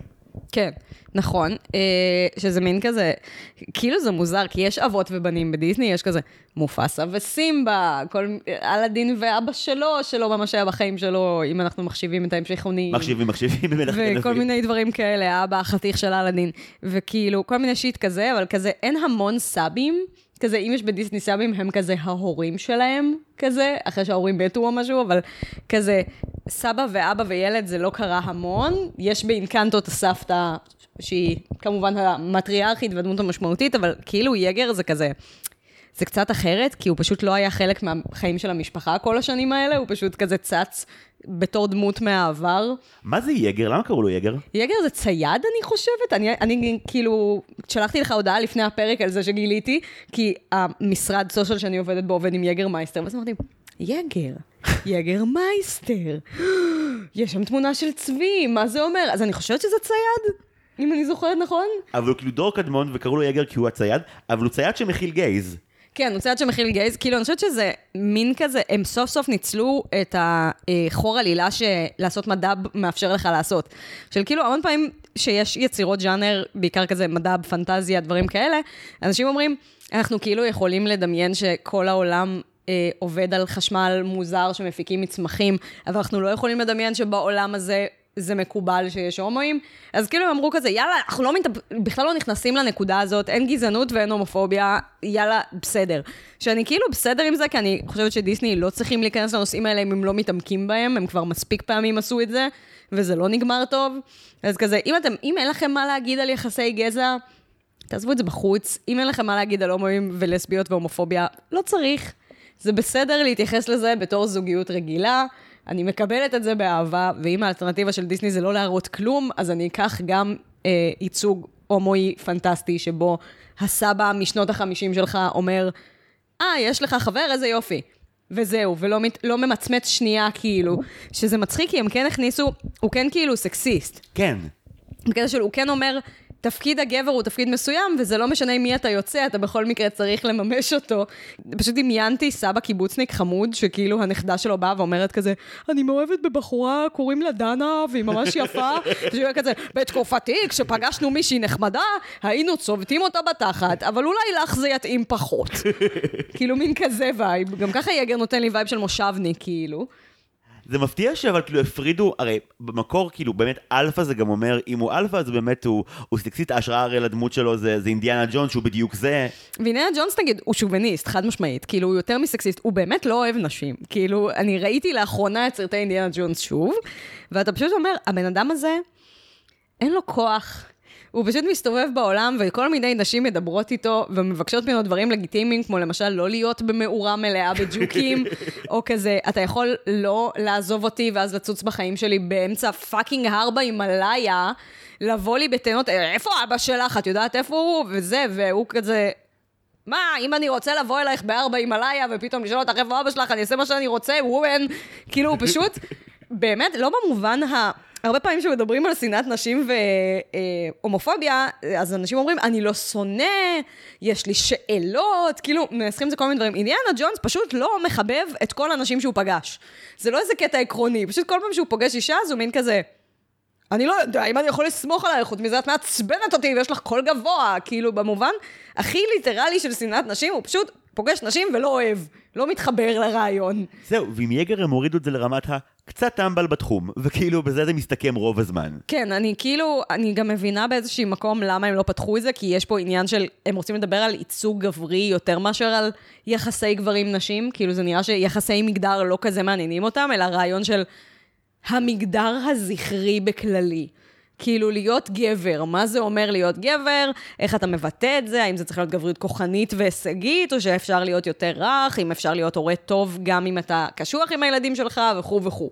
אה, שזה באמת, כאילו זה ההבדל העיקרי בין יגר לבין סרצ'ר אה, בתור הורים, כאילו שניהם שמות שהם מקצועות במובן מסוים, וכזה אצל יגר להיות אבא זה להיות מודל לחיקוי מרשים, כזה אני הולך ראשון ואני מוביל את המשימה ואני משיג את המטרה, ולא משנה מה, אני אשיג את מה שאני רוצה. וכאילו בסוף מה שמרחיק בינו לבין הילד שלו זה שהילד שלו אומר, אני רוצה לחזור אחורה, וליגר יותר חשוב להראות לילד שלו מודל של אני אשיג את זה לא משנה מה, מי שחשוב לו להיות עם הילד שלו. שזה כאילו... נשמע לי א' ב' של הורות, לא לנטוש את הילד שלך. אבל נגיד הבעיה של סרצ'ר זה שהוא מעניק לבן שלו את הטיפול שהוא רצה לקבל מאבא שלו, בלי לבדוק מה הבן שלו רוצה. כן, שזה בעיקר לתת לו אין סוף צומי, הוא כאילו הורה חונק, הוא לא הורה רע, אני חושבת. כאילו, אני לא חושבת שאנחנו אמורים להבין מהסרט שהוא אבא גרוע, הוא פשוט אבא מאוד מאוד לחוץ, והחרדות שלו משליכות על התפקוד שלו, כאילו הוא נורא נורא ב... בהיסטריה שהבן שלו, אם הוא יבחר דרך אחרת, זה אומר שהוא היה הורה לא טוב, אז הוא ממש נחוש לזה שהבן שלו יישאר בעסק המשפחתי, גם אם זה לא מה שהוא רוצה לעשות. אז כזה, זה לא שהוא לא מקבל את זה שאיתן רוצה לעשות דברים אחרים, הוא פשוט כל הזמן חושב על מה זה אומר עליי אם הבן שלי לא רוצה לעשות את מה שאני עושה, בזמן שכזה, הוא עשה בדיוק אותו דבר. כן, אבל נראה לי שגם במקום שבו סרצ'ר יוצא זה... מתוך המחשבה של לא ראיתי את אבא שלי 25 שנה, אם יום אחד יקרה לי משהו והוא לא יקבל מספיק זמן איתי, כאילו, כן. הוא, חוש, הוא חושב הרבה קדימה בלי לחשוב, או, או לראות שהבן שלו ממש אומר לו מפורשות מה הוא רוצה כד. שזה גם קצת מצחיק, כי כאילו, אני חושבת שהחרדה של סרצ'ר להיות הורה גרוע, נובעת מזה שהוא חושב שאבא שלו היה אבא לא טוב, הוא אומר מפורשות בסרט שאבא שלו היה אבא בעייתי, וכאילו, אני חושבת שהוא לא מבין ש... אה, אתה יכול לבחור דרך אחרת מאבא שלך בלי לשנוא את אבא שלך. כאילו, הוא מבחינתו רצה לעשות דברים אחרים, ובלי קשר, אבא שלו רצה שהוא יהיה איתו במסעות, ובגלל זה הוא נורא נורא סבל מהקשר עם אבא שלו, בזמן שכזה, יכל להיות מצב שאבא שלו יהיה אבא טוב, ועדיין הוא לא ירצה להיות הרפתקן. כאילו, האופציה הזאת הייתה קיימת, הוא פשוט לא חווה אותה בעצמו. אז הוא מין סוג של חשב, אם אני אתן לילד שלי את ההורות הכי מקבלת ואוהבת, ויהיה לו ממש כיף איתי, אז הוא גם ירצה להיות חקלאי, בזמן שרוב הילדים לא רוצים להיות חקלאים. זה לא מקצוע כזה מגניב. לא, לא, הוא גם לא, לא. לא בדיוק, הוא כאילו חקלאי, אבל הוא, הוא מדען, בתכלס. כאילו, החלק של החקלאות הוא היום-יום שלו, והוא לא כאילו מציג לילד שלו את זה בקטע של בוא נלמד ביחד סוגים שונים של מדע ותראה לאיזה מדע אתה מתחבר, כי בסוף כאילו איתן כן מתחבר לסנטימנט של להיות חוקר, הוא פשוט פחות אוהב את הרעיון של לעבוד בשדה, כמו נגיד רוב הילדים, שלא נראה לי שזה כיף להם פשוט להגיד, אני הולך לנקש עצבים עכשיו. לא, גם נראה שברגע שהוא מקבל הזדמנות לחבר את המדע שמעניין אותו למה שאבא שלו עושה, כיף לו פי מאה. יש את הרגע הזה שבו הוא פשוט uh, משדרג את הנשק פי אלף עם ה... כן, עם הלהביור וכל השיט הזה. ואת פשוט רואה שכאילו, אית'ן הוא באמת החלאה נהדרת של הסבא והאבא שלו, פשוט אבא שלו צריך להבין את זה.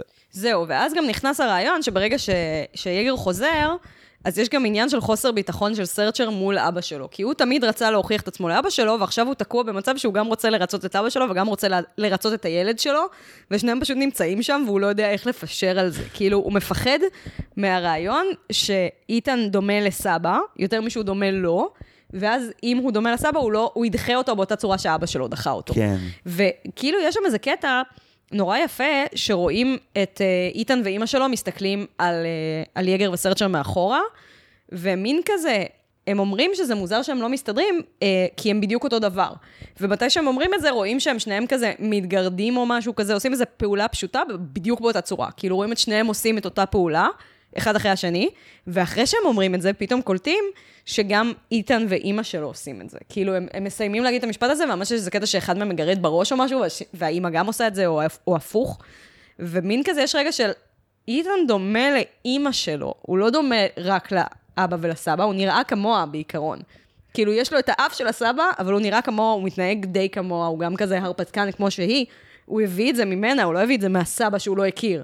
כן, אבל הסרט קצת מניח את זה שם בתור הלצה או הרמז לנו, ואז לא חוזר לדון בזה כן, יותר מדי. כן, כי לא מעניין אותו מי יודע מה נשים. לא בקטע שוביניסטי, זה פשוט לא הנושא של הסרט, וגם כאילו. קצת התמה של עולם מוזר זה, אני אתייחס לנושא ממש קצת ואעבור הלאה, a.k.a משבר האקלים. כן, זה, זה, זה זאת בעיה נגיד, כי זו הפעם הראשונה שדיסני באמת מתעמקים בנושא הזה. כאילו לפחות לפיקסאר היה את וולי. שבאמת, כאילו, גם לא עסק בזה בצורה מאוד עמוקה, וגם לקח את זה לכיוונים קצת שמנופוביים, אבל כאילו, היה להם את הבסיס, זה היה גם התקופה, זה יצא ב-2008, 2008 היה אה, שיא אה, ימי אה, אמת מטרידה, היה כזה חגיגת יום כדור הארץ בכיכר רבין, כאילו זה היה כזה התמה של השנה. אה, אז זה היה הגיוני שוולי יתחבר עם זה, ועכשיו זה מין כזה... פשוט דיסני מסרבים לגעת בנושא הזה לעומק, כי הם מבינים שהם קשורים אליו מאוד. כאילו בסוף, הרבה מאוד מהמצב של כדור הארץ היום נובע מהתנהלות של תאגידים, ואחד מהתאגידים הכי גדולים בעולם זה דיסני, שגם אחראים לייצור של כל כך הרבה פסולת פלסטיק בצורות של דמויות מסרטים. מכל הסוגים והמינים, ולא כל כך מעניין אותם שאנשים ישימו לב לזה ואז עולה השאלה אם בסרט כזה יש מקום להציע כביכול פתרון אה, פשוט לקונספט של נגיד אנרגיה מתחדשת, או לרעיון של אנושות מתרגלת מחדש לחיות בלי משאב מרכזי, והסרט עושה את זה כל כך אה, לכאורה קל, שזה קצת מרתיח לחשוב על כמה מסובך זה יהיה במציאות, הסיטואציה הזאת. אני חושבת שהסיבה שזה נורא נורא קל בסרט הזה, זה שהם מראש נמצאים בסוג של חברה כפרית. הם לא חיים בעולם אה, מתועש עד הסוף. כן, פשוט כאילו... קיבוץ. אה, כן, הם גרים במין קומונה כזאתי. כאילו, אני מניחה שיש כסף, אבל הווייב זה כזה של עושים הרבה סחר חליפין, רוב הכלכלה שלהם זאת על אני מגדל תירס בחצר הבית שלי ומוכר ארגז לשכניי, אז כאילו, ברגע שאתה מוריד מהמשוואה את כל הנושא של תאגידים אה, גדולים שמייצרים כאילו במפעלים, אז הרעיון של אנרגיה מתחדשת זה רק להגיד מה מפעיל את המכסח הדשא שלי. כאילו, בסוף כזה, הם מתבססים על חשמל קצת כמו כאילו... לפני המהפכה התעשייתית, באיזושהי רמה של כזה, כן, אני אשתמש בחמש יחידות פחם כדי לנסוע לפה. כאילו, מין כזה וייב. ואז הם פשוט אומרים, טוב, אה, האמת שעוד לא הגענו לזה בעלילת הסרט, אבל כאילו, זה מין... אה, אנחנו רצנו פה קדימה ואחורה כל הזמן, כן, הכל כן. טוב. אה, אז אנחנו רק נשלים שבאיזשהו שלב הם מבינים שהם לא יכולים להשתמש בצמח הירוק הזה יותר בתור תחליף לכל החשמל שלהם, אז הם אומרים, רוח זה אחלה. אנרגיית רוח, פותרת את כל הבעיות. עכשיו, אנרגיית רוח, אנרגיית שמש, אה, אנרגיית גלים, הכל מהמם. בגדול, אם אנחנו נחליף את החשמל שיש לנו היום, סביר להניח שאנחנו נחליף אותו בגרעין. זה כנראה האנרגיה המתחדשת האמיתית, וכולנו יודעים למה זה קשה לעשות את זה. אה, וזאת סוגיה שהולכת להטריד אותנו הרבה מאוד בשנים הקרובות, ובגלל זה אפילו הפתרונות החמודים, ההולסומיים, לא רלוונטיים לנו, באיזושהי רמה. כאילו, כן, זה יהיה ממש מגניב אם נוכל להשתמש באנרגיית שמש כתחליף ל... אה, חשמל רגיל, זה פשוט אומר שאנחנו צריכים לשנות לחלוטין את כל דרך החיים שלנו. דבר שאולי לא תהיה לנו ברירה אלא לעשות. וזה מצחיק, כי אם מסתכלים על הסרט, אז הדימוי שלו למהי האנושות בתוך אה, אה, משבר האקלים הוא הרבה יותר חמור משהיית מצפה, כי אנחנו סוג של גידול כן, סרטני אנחנו על גידול. סרטני. בחלק האחרון הם למעשה מגלים שהם מבלים שעה ומשהו בתוך המעיים של הצו הזה. אנחנו באיברים הפנימיים של צו, בכיף שלנו. זהו, ואז שבאמת במערכה האחרונה מצליחים איכשהו אה, אה, סרצ'ר ואית'ן להרחיק לכת מעבר. ללא נודע שעשה בכל החיים, שיגר רק רצה להגיע לשם, למעשה מתגלה, מתגלה עין עצומה של צו, ואנחנו בעצם בגברים בשחור, וכל האנושות היא רק חלק קטן מתוך משהו אחר, שולי לחלוטין. שאנחנו אפילו לא יודעים מהו, פשוט רואים מלא מים מסביב כזה. כן, וכנראה שבעצם כולנו סוג של אה, חטוטרת על הגב, חטוטרת סרטנית על הגב של הצו הזה. זהו, אנחנו, זה לא שאנחנו סרטנים, ה, אה, הצמח שאנחנו משתמשים בו בתור חשמל בסצנריו הזה הוא סרטני, הוא ממש גידול, כאילו, ממש בקטע של רואים אותו, כאילו, הוויינס כזה משתלטים לו על כל הגוף, וכאילו, כל היצורים שרואים בסרט הם כזה, כאילו כדוריות הדם שלו, ועוד כל מיני דברים במערכת החיסון שאמורים לחסל את הצמח הזה, ואנחנו כאילו מין תוצר לוואי שמגיע עם הצמח. סוגריים לא קשורים, אבל למה יש חזרזירים? איך החזרזירים אנחנו קשורים לכל מדברים העניין? ה... על הקטע עם הנהר, ה... עם הנהר צרבות, כאילו. לא, לא, מדברים על החלק שבו יש את ה... אה, כן, שיש. הספינה מושטת על ידי, The Venture מושטת על ידי 400 חזרזירים קטנים שספלט מזמן? הלוואי שזה יהיה טיול רגיל הפעם. כזה. ו... סרטן של צו, מה פתאום? זהו, ואז כאילו, מין ספלט בא בקטע של כזה, ואז מגיעים מין כזה כמו, אה, הם הזכירו לי, אם אתה יודע מה זה דובוני מים, לא. זה, אוקיי, אנשים בבית, בבקשה תיכנסו לגוגל ותחפשו דובון מים. זה יצור אה, מיקרוסקופי קטן וחמוד. הוא נראה כמו חייזר, אני חושבת שאפילו רואים אותו באיזשהו סרט מארוול בתור חייזר, או משהו דומה לחייזר, אולי בקוונטומניה, יימח שמו. אה, זה פשוט נראה קצת כמו... אה, פעם הראיתי לידיד שלי תמונה של זה, והוא אמר שזה נראה כאילו מישל גונדרי עיצב את זה. זה כאילו כמו מין גוש חום עם שש רגליים, בקצה של הרגליים יש מין ציפורניים כאלה, והראש שלו נראה כמו צינור. דובון מים. יש דיבור באינטרנט, שאני לא יודעת עד כמה הוא מדעי או מבוסס, שאומרים בגלל היכולת שלו לצרוד מצבים קיצוניים של טמפרטורה וכאילו תנאים פיזיים, אז שחושבים שאולי הוא הגיע מהחלל על מטאוריט באיזשהו שלב, כי הם יצורים מיקרוסקופיים, אז כאילו, אנחנו לא יכולים לדעת מאיפה הם הגיעו. הם פשוט קיימים מסביבנו, וככה היצורים האלה קצת נראים. אה, זה חמוד, זה הדבר המיקרוסקופי החמוד היחיד, אני חושבת. אה, אז יש את החזרזירים האלה, שהם פשוט כזה, just go with it. זה, זה מהמם.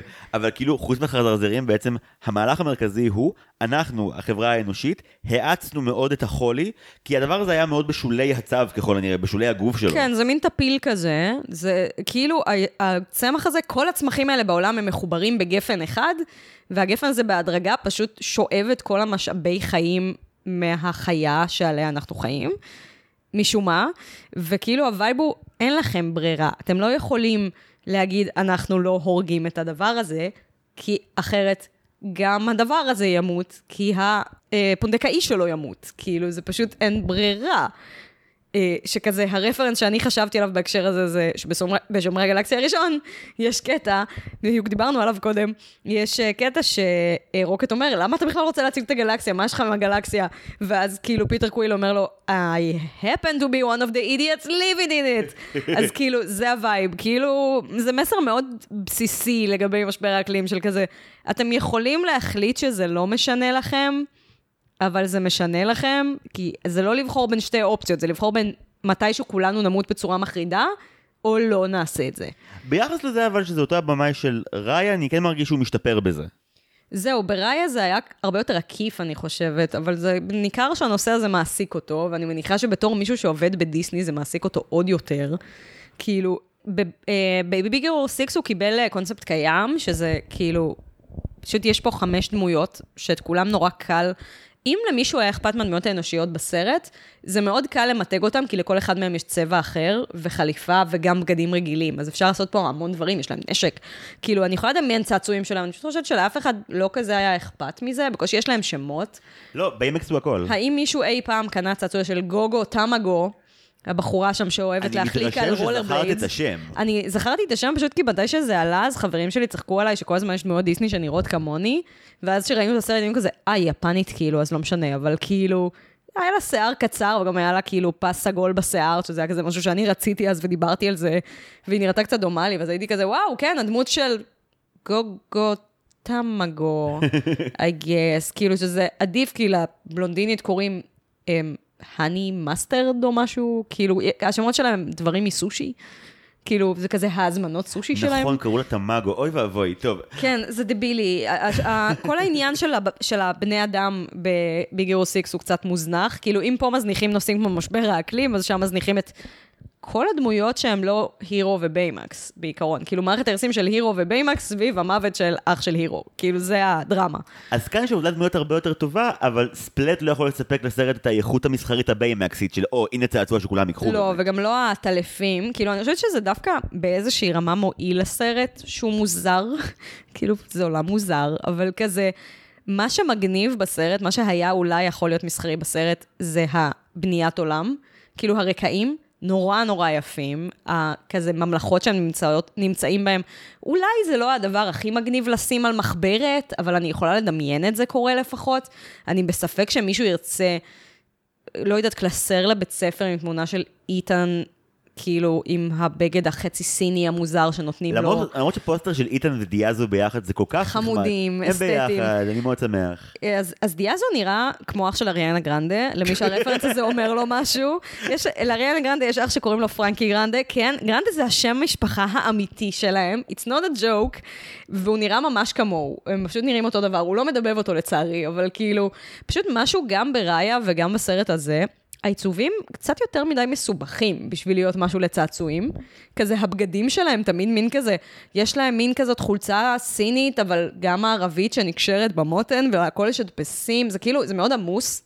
וזה לא כזה מעוצב קריקטורי כמו שדיסני בדרך כלל נראים, זה לא כזה, אפילו נגיד מירבל, יש לה רקמה כזה על הבגד, אבל זה בסך הכל בגלל של, יש לך צעית וחולצה בצבעים מסוימים, אפשר לקנות את זה בכל חנות לעשות קוספליי, ורק צריך את הרקמה הזאת, ויש כאילו אחות אחת עם שיער ארוך ובגד סגול, ואחות אחת עם אה, שיער אה, יותר אה, אסוף וקצר, עם אה, בגד כזה, ופה זה כזה, אה, הוא נראה כמו גבר בן 40 עם אף רחב, קצת דומה לג'ק ג'ילנול, אבל לא ממש. כאילו, העיצוב מאוד מאוד מאוד ספציפי, וזה כאילו... שוב, זה לא דבר רע בהכרח, אני לא חושבת שזה עיצוב יפהפה או משהו. ראיה, נגיד, לדעתי הסרט מאוד מאוד יפה ברמה האסתטית, והסרט הזה לא בהכרח. ופשוט, כאילו, בשניהם הרגשתי שזה... חסר פה העוד טאץ' כדי שזה יהיה משהו שדיסני יכולים למכור לילדים בסטוקים. כאילו, את העטלפים המוזרים שעפים מעליהם בוורוד, and are terrifying, את המפלצות עם ה tentacles, כאילו כאילו... מחלקת השיווק שומעת את זה ואומרת, אז אני צריך למכור או אנשים מכוערים, או חיידקים ומפלצות. הם אפילו לא מכוערים, הם פשוט רגילים. בעיניי אגב הם לא מכוערים בכלל. לא, הם לא מכוערים, הם פשוט נראים כמו אנשים, אבל אני רואה כאילו. שיווק שרוצה לקבל איזה ילד שמלא ילדות ירצו להיות, כן, ואין אין, לו. אין נסיכה, לצורך העניין. אפילו איתן הוא לא נסיכה, עם כל הקוויריות שבדבר. הוא כאילו גיי מאוד רגיל, הוא נראה כמו נער רגיל עם רסטות, והחבר שלו נראה כמו נער רגיל עם שיער בלונדיני מחומצן, וזהו. ושתי הנשים היחידות בסרט שהן בולטות הן די מבוגרות ולא לא מרכזיות בשום צורה. לנו... כן, אף אחד בעולם לא יקנה מוצרים של מרידיאן הטייסת המגניבה, למרות שזה היה יכול כן, להיות action figure pretty cool. טיפה אפיון אחר בסרט עצמו וזה היה, היה עובד ממש סבבה. כן, כזה סטייל שבמשפחת סופר על שתיים פתאום החליטו שמיסיס אינקרדיבל היא כאילו הדמות הראשית, כי כזה יצא שגם בסרט הראשון ממש הרבה אנשים אהבו אותה, אז הם אמרו, יאללה, אנחנו הולכים עם זה, היא הדמות הראשית עכשיו. כן, כי היא הגיבורה לא מפגרת, ברור שהם אהבו אותה. היא הלא. סתומה, כן, היא גם היא הלא סתומה, וגם כזה, יש כל מיני אנשים סוטים באינטרנט שפשוט היה כזה, אוי, לא... כן, לא, יש, יש אה, אה, פנדום באינטרנט לספציפית צורת הירכיים של מיסיס אינקרדיבול, זה לא טוב. אוי ואבוי. זה דבר שקרה בעולם. כאילו, לזכותם אני אגיד, עם כל הבעיות שיש בסרט הזה, they wanted to do so much. כאילו, הם חשבו על הכל, בגלל של גם עם הרעיונות מוזרים, זה כזה, לפחות מישהו חשב על כל סביבה שרואים פה, כאילו, לכל דבר יש נימוק למה הוא נמצא איפה שהוא נמצא, וכאילו, בקוונטומניה זה מין כזה, הנה עץ, אני לא יודע למה יש פה עץ. הוא אני- קוונטי, אני איכשהו. לא יודע למה זה הגיוני שיהיה פה עץ, כאילו כל מיני כאלה דברים. הנה, בית, למה יש פה בית? לא יודע. כאילו, וגם זה נגיד שהכל בעולם מוזר חי, כשאתה מבין שזה יצור חי זה מאוד מאוד הגיוני, כאילו למה הכל זז? כי כל דבר בגוף שלנו זז, כאילו אולי חוץ מעצמות אני מקווה, אבל אני מניחה שגם הן זזות לפעמים, אבל כזה, זה שהעולם הזה אורגני, זה מאוד הגיוני. ואפילו ברמת הצבעוניות, או נגיד מין כזה, הא, יש שם איזה עשבים כאלה שזזים, שבאיזשהו שלב היה לי איזה אינסטינקט שאמרתי, זה קצת כמו כאילו מה שיש באוזן. כאילו, היו כל מיני רגעים כאלה שחשבתי על גוף האדם ולא קישרתי, ונגיד, סליחה שאנחנו חוזרים כל הזמן למרוויל, אבל גם בשומרי הגלקסיה 3 יש כאילו הם, כזה מפקדה שעשויה מחומר אורגני. נכון. ושם נגיד זה מאוד הגיוני שזה יהיה חומר אורגני, זה חומר אורגני סינתטי, זה בקטע של, הוא לא באמת סינתטי, אבל כאילו מישהו ייצר אותו, הוא מעוצב על ידי אדם, בגלל זה הוא לא נראה כמו גוף חי, אבל כן הכל נראה שם מגעיל ובשרי, ואני שמחה שזה לא הכיוון שהם הלכו אליו, זה מתאים לשומרי הגלציה, זה פחות מתאים לדיסני. הם עשו עולם שהוא כאילו גם מזמין ויפה, אבל גם מפחיד, שזה כאילו איך שאתה מניח שגוף האדם ייראה.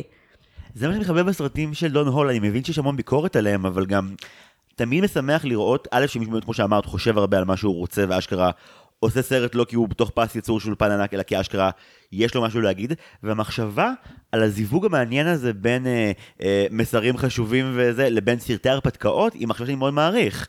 מאוד אינדיאנה ג'ונס, אם כבר דיברנו על זה. אה, באינדיאנה ג'ונס אין הרבה מסרים, אבל אם גדלת על אינדיאנה ג'ונס, זה הגיוני שהאינסטינקט שלך יהיה לרצות ללכת לסוג הזה של סרטי הרפתקאות ולהיכנס בהם לעומק.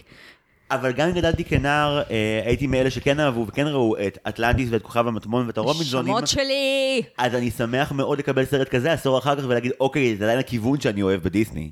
אני מאוד אוהבת, כאילו שדיסני קצת חוזרים לפעמים לרעיון הזה של סרטי הרפתקאות. זה גם, יותר מאשר הרפתקאות, זה סוג כל כך ספציפי של סרטי הרפתקאות, של הרפתקאות מדע ופנטזיה מוזרים, עם עולמות מומצאים, וכאילו... מין כזה וייב של אנחנו מגלים משהו. כאילו הרעיון של The wonder of discovering something, זה משהו שכאילו אני חושבת שדיסני לא מספיק מנצלים. כאילו מאוד נגיד, אני חושבת על סרטי 80's בהקשר הזה. כאילו, באופן כללי שאני חושבת על הסנטימנט של סרטי ילדים בשנות ה-80, אני חושבת על הרעיון של ילד יוצא ממשהו, רואה עולם מופלא שהוא לא מכיר, ומסתכל כזה, וואו. כאילו, גם אם זה לא כל הסרטים האלה, הסנטימנט הזה של... אפילו, נגיד, סטאר וורז התחילו בשנות ה-70 ורק הגיעו לשנות ה-80, אבל כאילו, גם שם יש את האלמנט הזה של הדמויות אולי לא מתרגשות לראות עולם חדש, אבל אנחנו כזה, יש לנו כאילו את הוונדר הזה של כאילו, אנחנו נכנסים לאיזה מקום ואנחנו כזה, וואו, מה יש פה, כמה אפשרויות יש פה, ואני אחשוב על כזה, בחזרה לעתיד במובן מסוים, ולבירינט, וכאילו, כל סרטי החבובות פחות או יותר. חיים שלי. וכזה אינדיאנה ג'ונס במובנים מסוימים, וברגעים מסוימים, וכאילו, הגוניז, הסיפור שלו נגמר, כל מיני סרטים בסגנון הזה שהם היו פחות מדבים נגיד מאטלנטיס, אבל כן היה להם את האלמנט הזה של אנחנו מגיעים לעולם שאנחנו אפילו לא יודעים איך להתמודד איתו, ואיזה מגניב זה. והחיבור הפנטסטי והעובד כמעט תמיד בין ההרפתקה והתבגרות, שאנחנו תמיד שמחים לקבל, אני חושב. כן, אה, שנגיד, אולי פה יש לי ביקורת מסוימת על הסרט, שאני חושבת שאחת הסיבות שהוא לא היה קל לשיווק כמו שהיו רוצים, זה שהוא קצת סרט להורים יותר מאשר לילדים. את מדברת על הגיבור של הסרט? אני מדברת על הקונפליקטים של הסרט בעיקר, שהם מאוד קונפליקטים של הורה. אה, למתבגר ספציפית, הוא אפילו לא הורה לילדים. אם היה לו ילד קטן, אולי היינו מרגישים אחרת, אבל כאילו זה לא הסרט על הנער שרוצה לעשות משהו שונה ממה שההורים שלו רוצים, כמו מואנה לצורך העניין, או, או כאילו במובנים מסוימים אה, סימבה. זה סרט על גבר בן 40 ומשהו, שהחיים שלו סבבה, והוא בסך הכל בסדר איתם, אבל יש לו משקעי עבר עם אבא שלו, וזה דבר מעניין, אבל זה לא דבר מעניין בהכרח לילדים בני חמש. וזה הקהל של דיסני, עם כל הצער שבדבר, כאילו כן, גם ההורים שלהם שם, אבל כזה, הסיפור התבגרות הוא קצת סיפור שולי, זה יותר מין סיפור איחוי הקרעים במשפחה של סרצ'ר ויגר, שזה קול, אבל היה חסר לי עוד טיפה תשומת לב על הדמות של הילד. נכון, אני שמח לקבל יותר מאיתן. מצד שני, אה, אם דיברנו קודם על כך שחלק מה... סליחה, אבל האותנטיות של סרט היא שהבמאי עוסק בדברים שמעניינים אותו, כן. זה מאוד בולט גם במישור הזה. כן, זה פשוט, אני ספציפית לא כזה, כאילו הדמות של סרט הייתה הדמות הכי פחות מעניינת בסרט מבחינתי, פשוט ברמה של... כן, אני מבינה למה הקונפליקטים שלו מעניינים. הוא עצמו נראה לי בן אדם קצת משעמם, כאילו ברמה הכי בסיסית של... אין לו איזו תכונה מיוחדת או, או זווית מעניינת על החיים, הוא פשוט איש חרדתי, שאני... I can relate. אבל אני. לא בהכרח בא לי לראות את הדמות החרדתית הספציפית הזאת, הוא לא חרדתי בצורה חיננית, הוא פשוט אבא לחוץ. כן הרגשתי שמצליחים לעשות את הדבר הקסום הזה שמצד אחד להיות מתוסכל כל הזמן שהבן שלו לא מקבל את הצרכים שלו, מצד שני כן באמת להבין מאיפה הוא בא, ולהבין כן. את הפחד שלו. זהו, הוא, הוא כתוב בצורה עמוקה וטובה. כאילו, אני כן אגיד את זה, הוא פשוט דמות שלא הייתי שמה בתור הדמות המרכזית של סרט, פשוט כי זה כזה, אוקיי, אתה האיש הכי מצליח בעולם. מרתק. זה כאילו, איזה יופי הסרט הזה שכתבו על ביל גייטס. הסרט שלו זה כאילו מה היה קורה אם ביל גייטס היה מאבד את אבא שלו למשך 25 שנה? מה היה קורה אם ביל גייטס היה אה, עדיין גר בחווה משום מה, ולא באחוזה? מה היה קורה אם ביל גייטס היה יוצא לטיול בתחת של צב, שזה גם, כן. גם כותרת אני גם זוכרת. שכזה, היה איזה קטע, אני לא זוכרת בדיוק את הסיפור, אבל ביל גייטס התגרש לפני כמה שנים, אני חושבת, ופתאום מלא אנשים היו כזה, "אה, אולי עכשיו אנחנו נגלה את הצדדים הדפוקים של ביל גייטס שהוא הסתיר כל השנים, כאילו, מין ממש היה vibe של, אנשים רוצים לראות אותו נופל קצת, כי כזה, אתה לא אוהב את הרעיון שביליונרים הם טיפוסים חביבים, ואני באמת לא יודעת אם הוא טיפוס חביב או לא, יש מצב שהוא לא, פשוט כאילו, יש לו דימוי של איש טוב, כאילו. אה, שזה הישג לא, מר- לא רע בכלל. אני רוצה להגיד שממש לפני שהגעת קראתי משהו שדי שימח אותי, כלומר אנחנו יודעים ודיברנו על זה שעולם מוזר אה, נקבר על ידי דיסני, העלינו חטף תיאוריות- מכות. העלינו תיאוריות למה, אבל מסתבר שכשהוא יצא אה, לדיסני פלוס, הוא מיד היה בפסגה ממש הרבה זמן. אשכרה. מהסיפורים, את זוכרת שבכזה ב nineties היה סרטים כאלה כמו גופי שכאילו אף אחד לא ראה בקולנוע ואז בווידאו כולם גילו אותם? זהו, אז אני עכשיו שומעת אה, המלצת פודקאסטים, אנחנו כבר בפודקאסט, sorry למי ששומע את זה מ- אה, עם ילדים, יש אה, פודקאסט ממש מעניין שאני שומעת עכשיו, שנקרא Erotic 90's. השם של הפודקאסט הוא You Must Remember This, ה Erotic 90's זה רק סדרה בתוכו, זה כאילו פודקאסט על ההיסטוריה של הקולנוע, וכאילו מין כזה כל פעם יש סדרת פרקים בנושא משהו מסוים, ועכשיו היא מדברת, היה לה את אירוטיק 80's ועכשיו אירוטיק 90's, שהם מאוד סביב המעבר הזה מתעשייה של סרטים בקולנוע לתעשייה שיש לה גם שלוחת וידאו, ואיך כאילו זה משפיע על הצורה שבה סרטים נערכים, למשל. יש המון דברים שאפשר להעלים כדי לקבל דירוג מסוים בקולנוע, כי לצורך העניין, אם תקבל דירוג אה, X ולא R, זה יכול לדפוק אותך מול בתי קולנוע. וכזה, אבל אז כשמוציאים את זה לוידאו, פתאום כזה, הופה, מה זה הגרסה הלא מצונזרת הזאת? אז כאילו, היא מדברת שם המון על כמה שהרעיון הזה של כאילו הפצה ביתית שינה לחלוטין את הצורה שבה כאילו הפצה קולנועית עובדת, גם אם זה לא נראה ככה בהתחלה. ובסרטי אנימציה ספציפית, אני יכולה להגיד שהנושא הזה הוא סופר דרמטי, כי צפיות חוזרות, לפחות לדור שלנו, זה הדבר בסרטי ילדים. כאילו, אני לא יכולה לדמיין את הרעיון שפעם מישהו היה הולך ומתאבסס על סרט, ולא היה לו איך לראות את זה, עד עשר שנים אחר כך שדיסני הוציאו אותו עוד פעם, מה שהם היו עושים. כאילו, לצורך העניין של גיאה יצא בעשר שנים של יציאתו שוב, וכזה... אפילו נגיד, כשאנחנו היינו ילדים, בת הים הקטנה יצא ב-99, אה, עשור אחרי שהוא יצא פעם ראשונה לבתי הקולנוע שוב. אה, אבל כזה, אני מאוד זוכרת את החוויה בתור ילדה של לראות סרט ולהיות completely obsessed with it, ופשוט להגיד, ועכשיו יש לי ארבעה-חמישה חודשים שאני אצטרך למצוא דרכים לספק את האובססיה שלי, כשאין לי את הקלטת לראות כל יום או וואי, שלוש זו פעמים תקופה בשבוע. שאני זוכר ממש טוב. מצוקה קשה. אני לא זוכרת כזה ללכת לחנות ולהסתכל כזה בספר שמתאר את כל העלילה של מולן. ולא רציתי לקנות את הספרים, כי הספרים תמיד היו כתובים נורא ילדותי. כזה, ואז מולן יצאה מבית משפחתה וידעה שהיא חייבת לעשות את זה. כאילו, זה היה כתוב בצורה מאוד כזה לילדים קטנים, ואני כבר הייתי בת איזה שמונה. ואז קיבלתי, עם העיתון החשוב מאוד, יומנו של דיסני, קיבלתי... עולמו של דיסני, אני מבקש. סליחה, עולמו של דיסני. לח... לחלוטין טעות אה, של אה, דיבור ולא של אה, חוסר זיכרון. אה, אני הייתי כאילו קוראת אדוקה של עולמו של דיסני בערך ממתי שהוא התחיל לצאת בארץ, ופשוט הגיע איזה יום, אה, עשו את זה גם בבת הים הקטנה, אם כבר הזכרתי, חוברת קומיקס של כל הסרט מולן, של עלילת הסרט מתומללת. עכשיו, הבדיחות בחוברת קומיקס והבדיחות בסרט לא היו אותו דבר, כי זה קלירלי תורגם מאנגלית, ולא מהכתוביות של הסרט בעברית. אני זוכרת נגיד שיש את הבדיחה הלא כזה מצחיקה במולן של... אתה רעב? כי אני חייב לך עוגה בפרצוף. כזה, ואז בקומיקס זה היה משהו על אגרוף אטריות, לא יודעת אם תרגמו שם מוזר, כאילו זה היה ממש בדיחות מוזרות, ובגלל שקראתי את הקומיקס הזה כל כך הרבה פעמים, כפיצוי על זה שלא היה לי את הקלטת עדיין, אז זכרתי את כל האי-התאמות האלה. אבל מה שרציתי להגיד זה שיש סרטים שבכלל לא הצליח להם בסיבוב הראשון שלהם בקולנוע.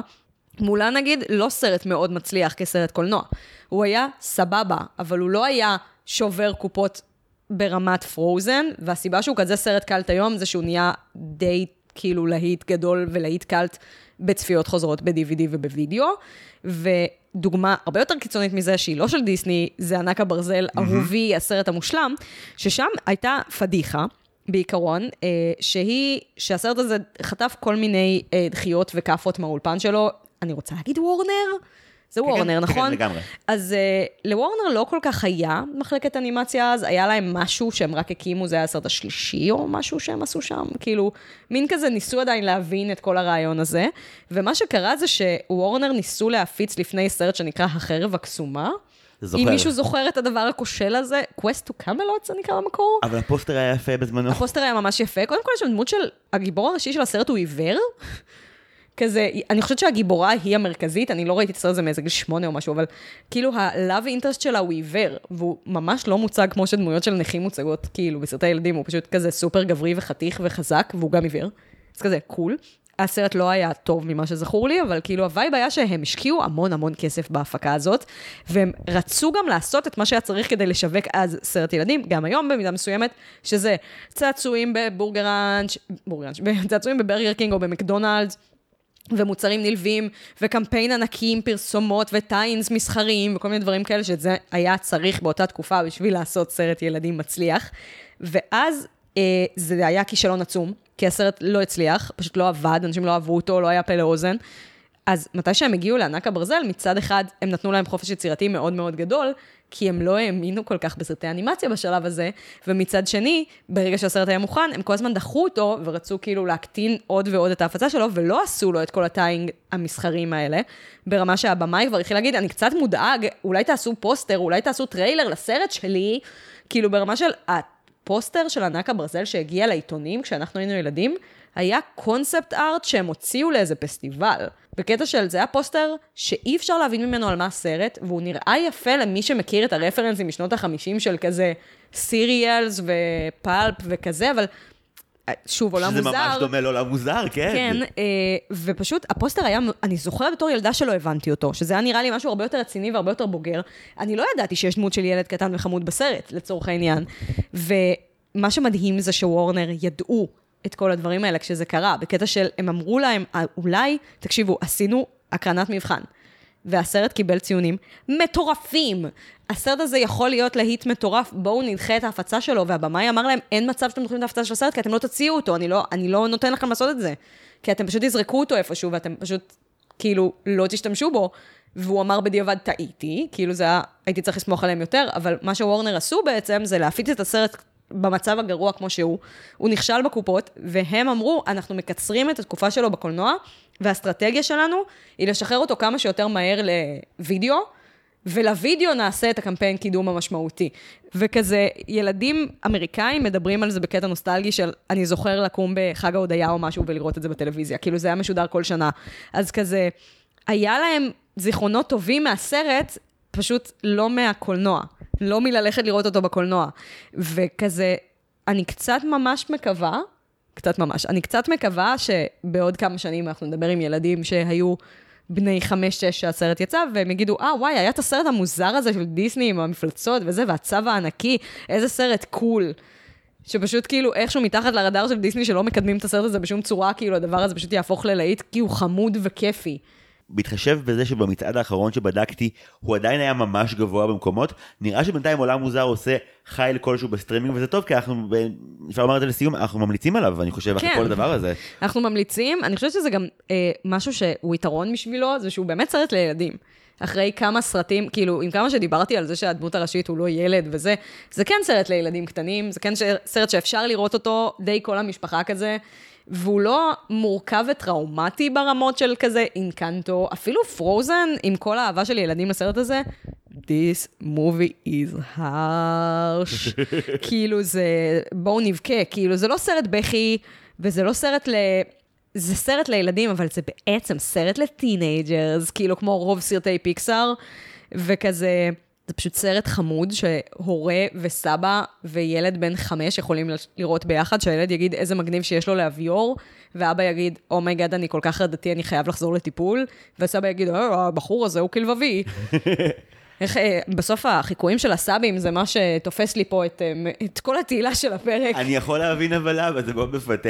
הו-הו, כן. המלצת צפייה לכל דבר ועניין. נעמה, תודה רבה שבאת לפה. תודה שהזמנת אותי. תודה גם רבה גם כל מי שעוזר לנו עם ההסכת הזה, למעצב, טרה סולומון ורדי, למלחין, נועם טבצ'ניקוב, לאחראית השיווק שלנו, סתיו ציברמן פולק, ולתומכים שלנו בקופי, הטובים והנחמדים, ספציפית אלו שביקשו שנאמר את שמם. אה, יש לנו דניאל העשוי ללא חת, רז רוטשילד, ו-The Incredibles משפחת גולדמן. תודה רבה לכם גם מאוד. הפרק הבא שלנו על ספר הג'ונגל, אם אתם רוצים עוד מנעמה, מוזמנים מאוד מאוד לחקור את ערוץ היוטיוב שלנו, סרטונים נפלאים, ספציפית המלצה חמה על המחזמר ספר הג'ונגל, זה סרטון אדיר שאני ממליץ עליו בחום רב. יכולים גם לשמוע את נעמה בפודקאסטים, קבוצת ביקורת ואוכלות סרטים. נעמה, תודה רבה, אני זיו הרמלין שדר, ועד הפעם הבאה, היו שלום!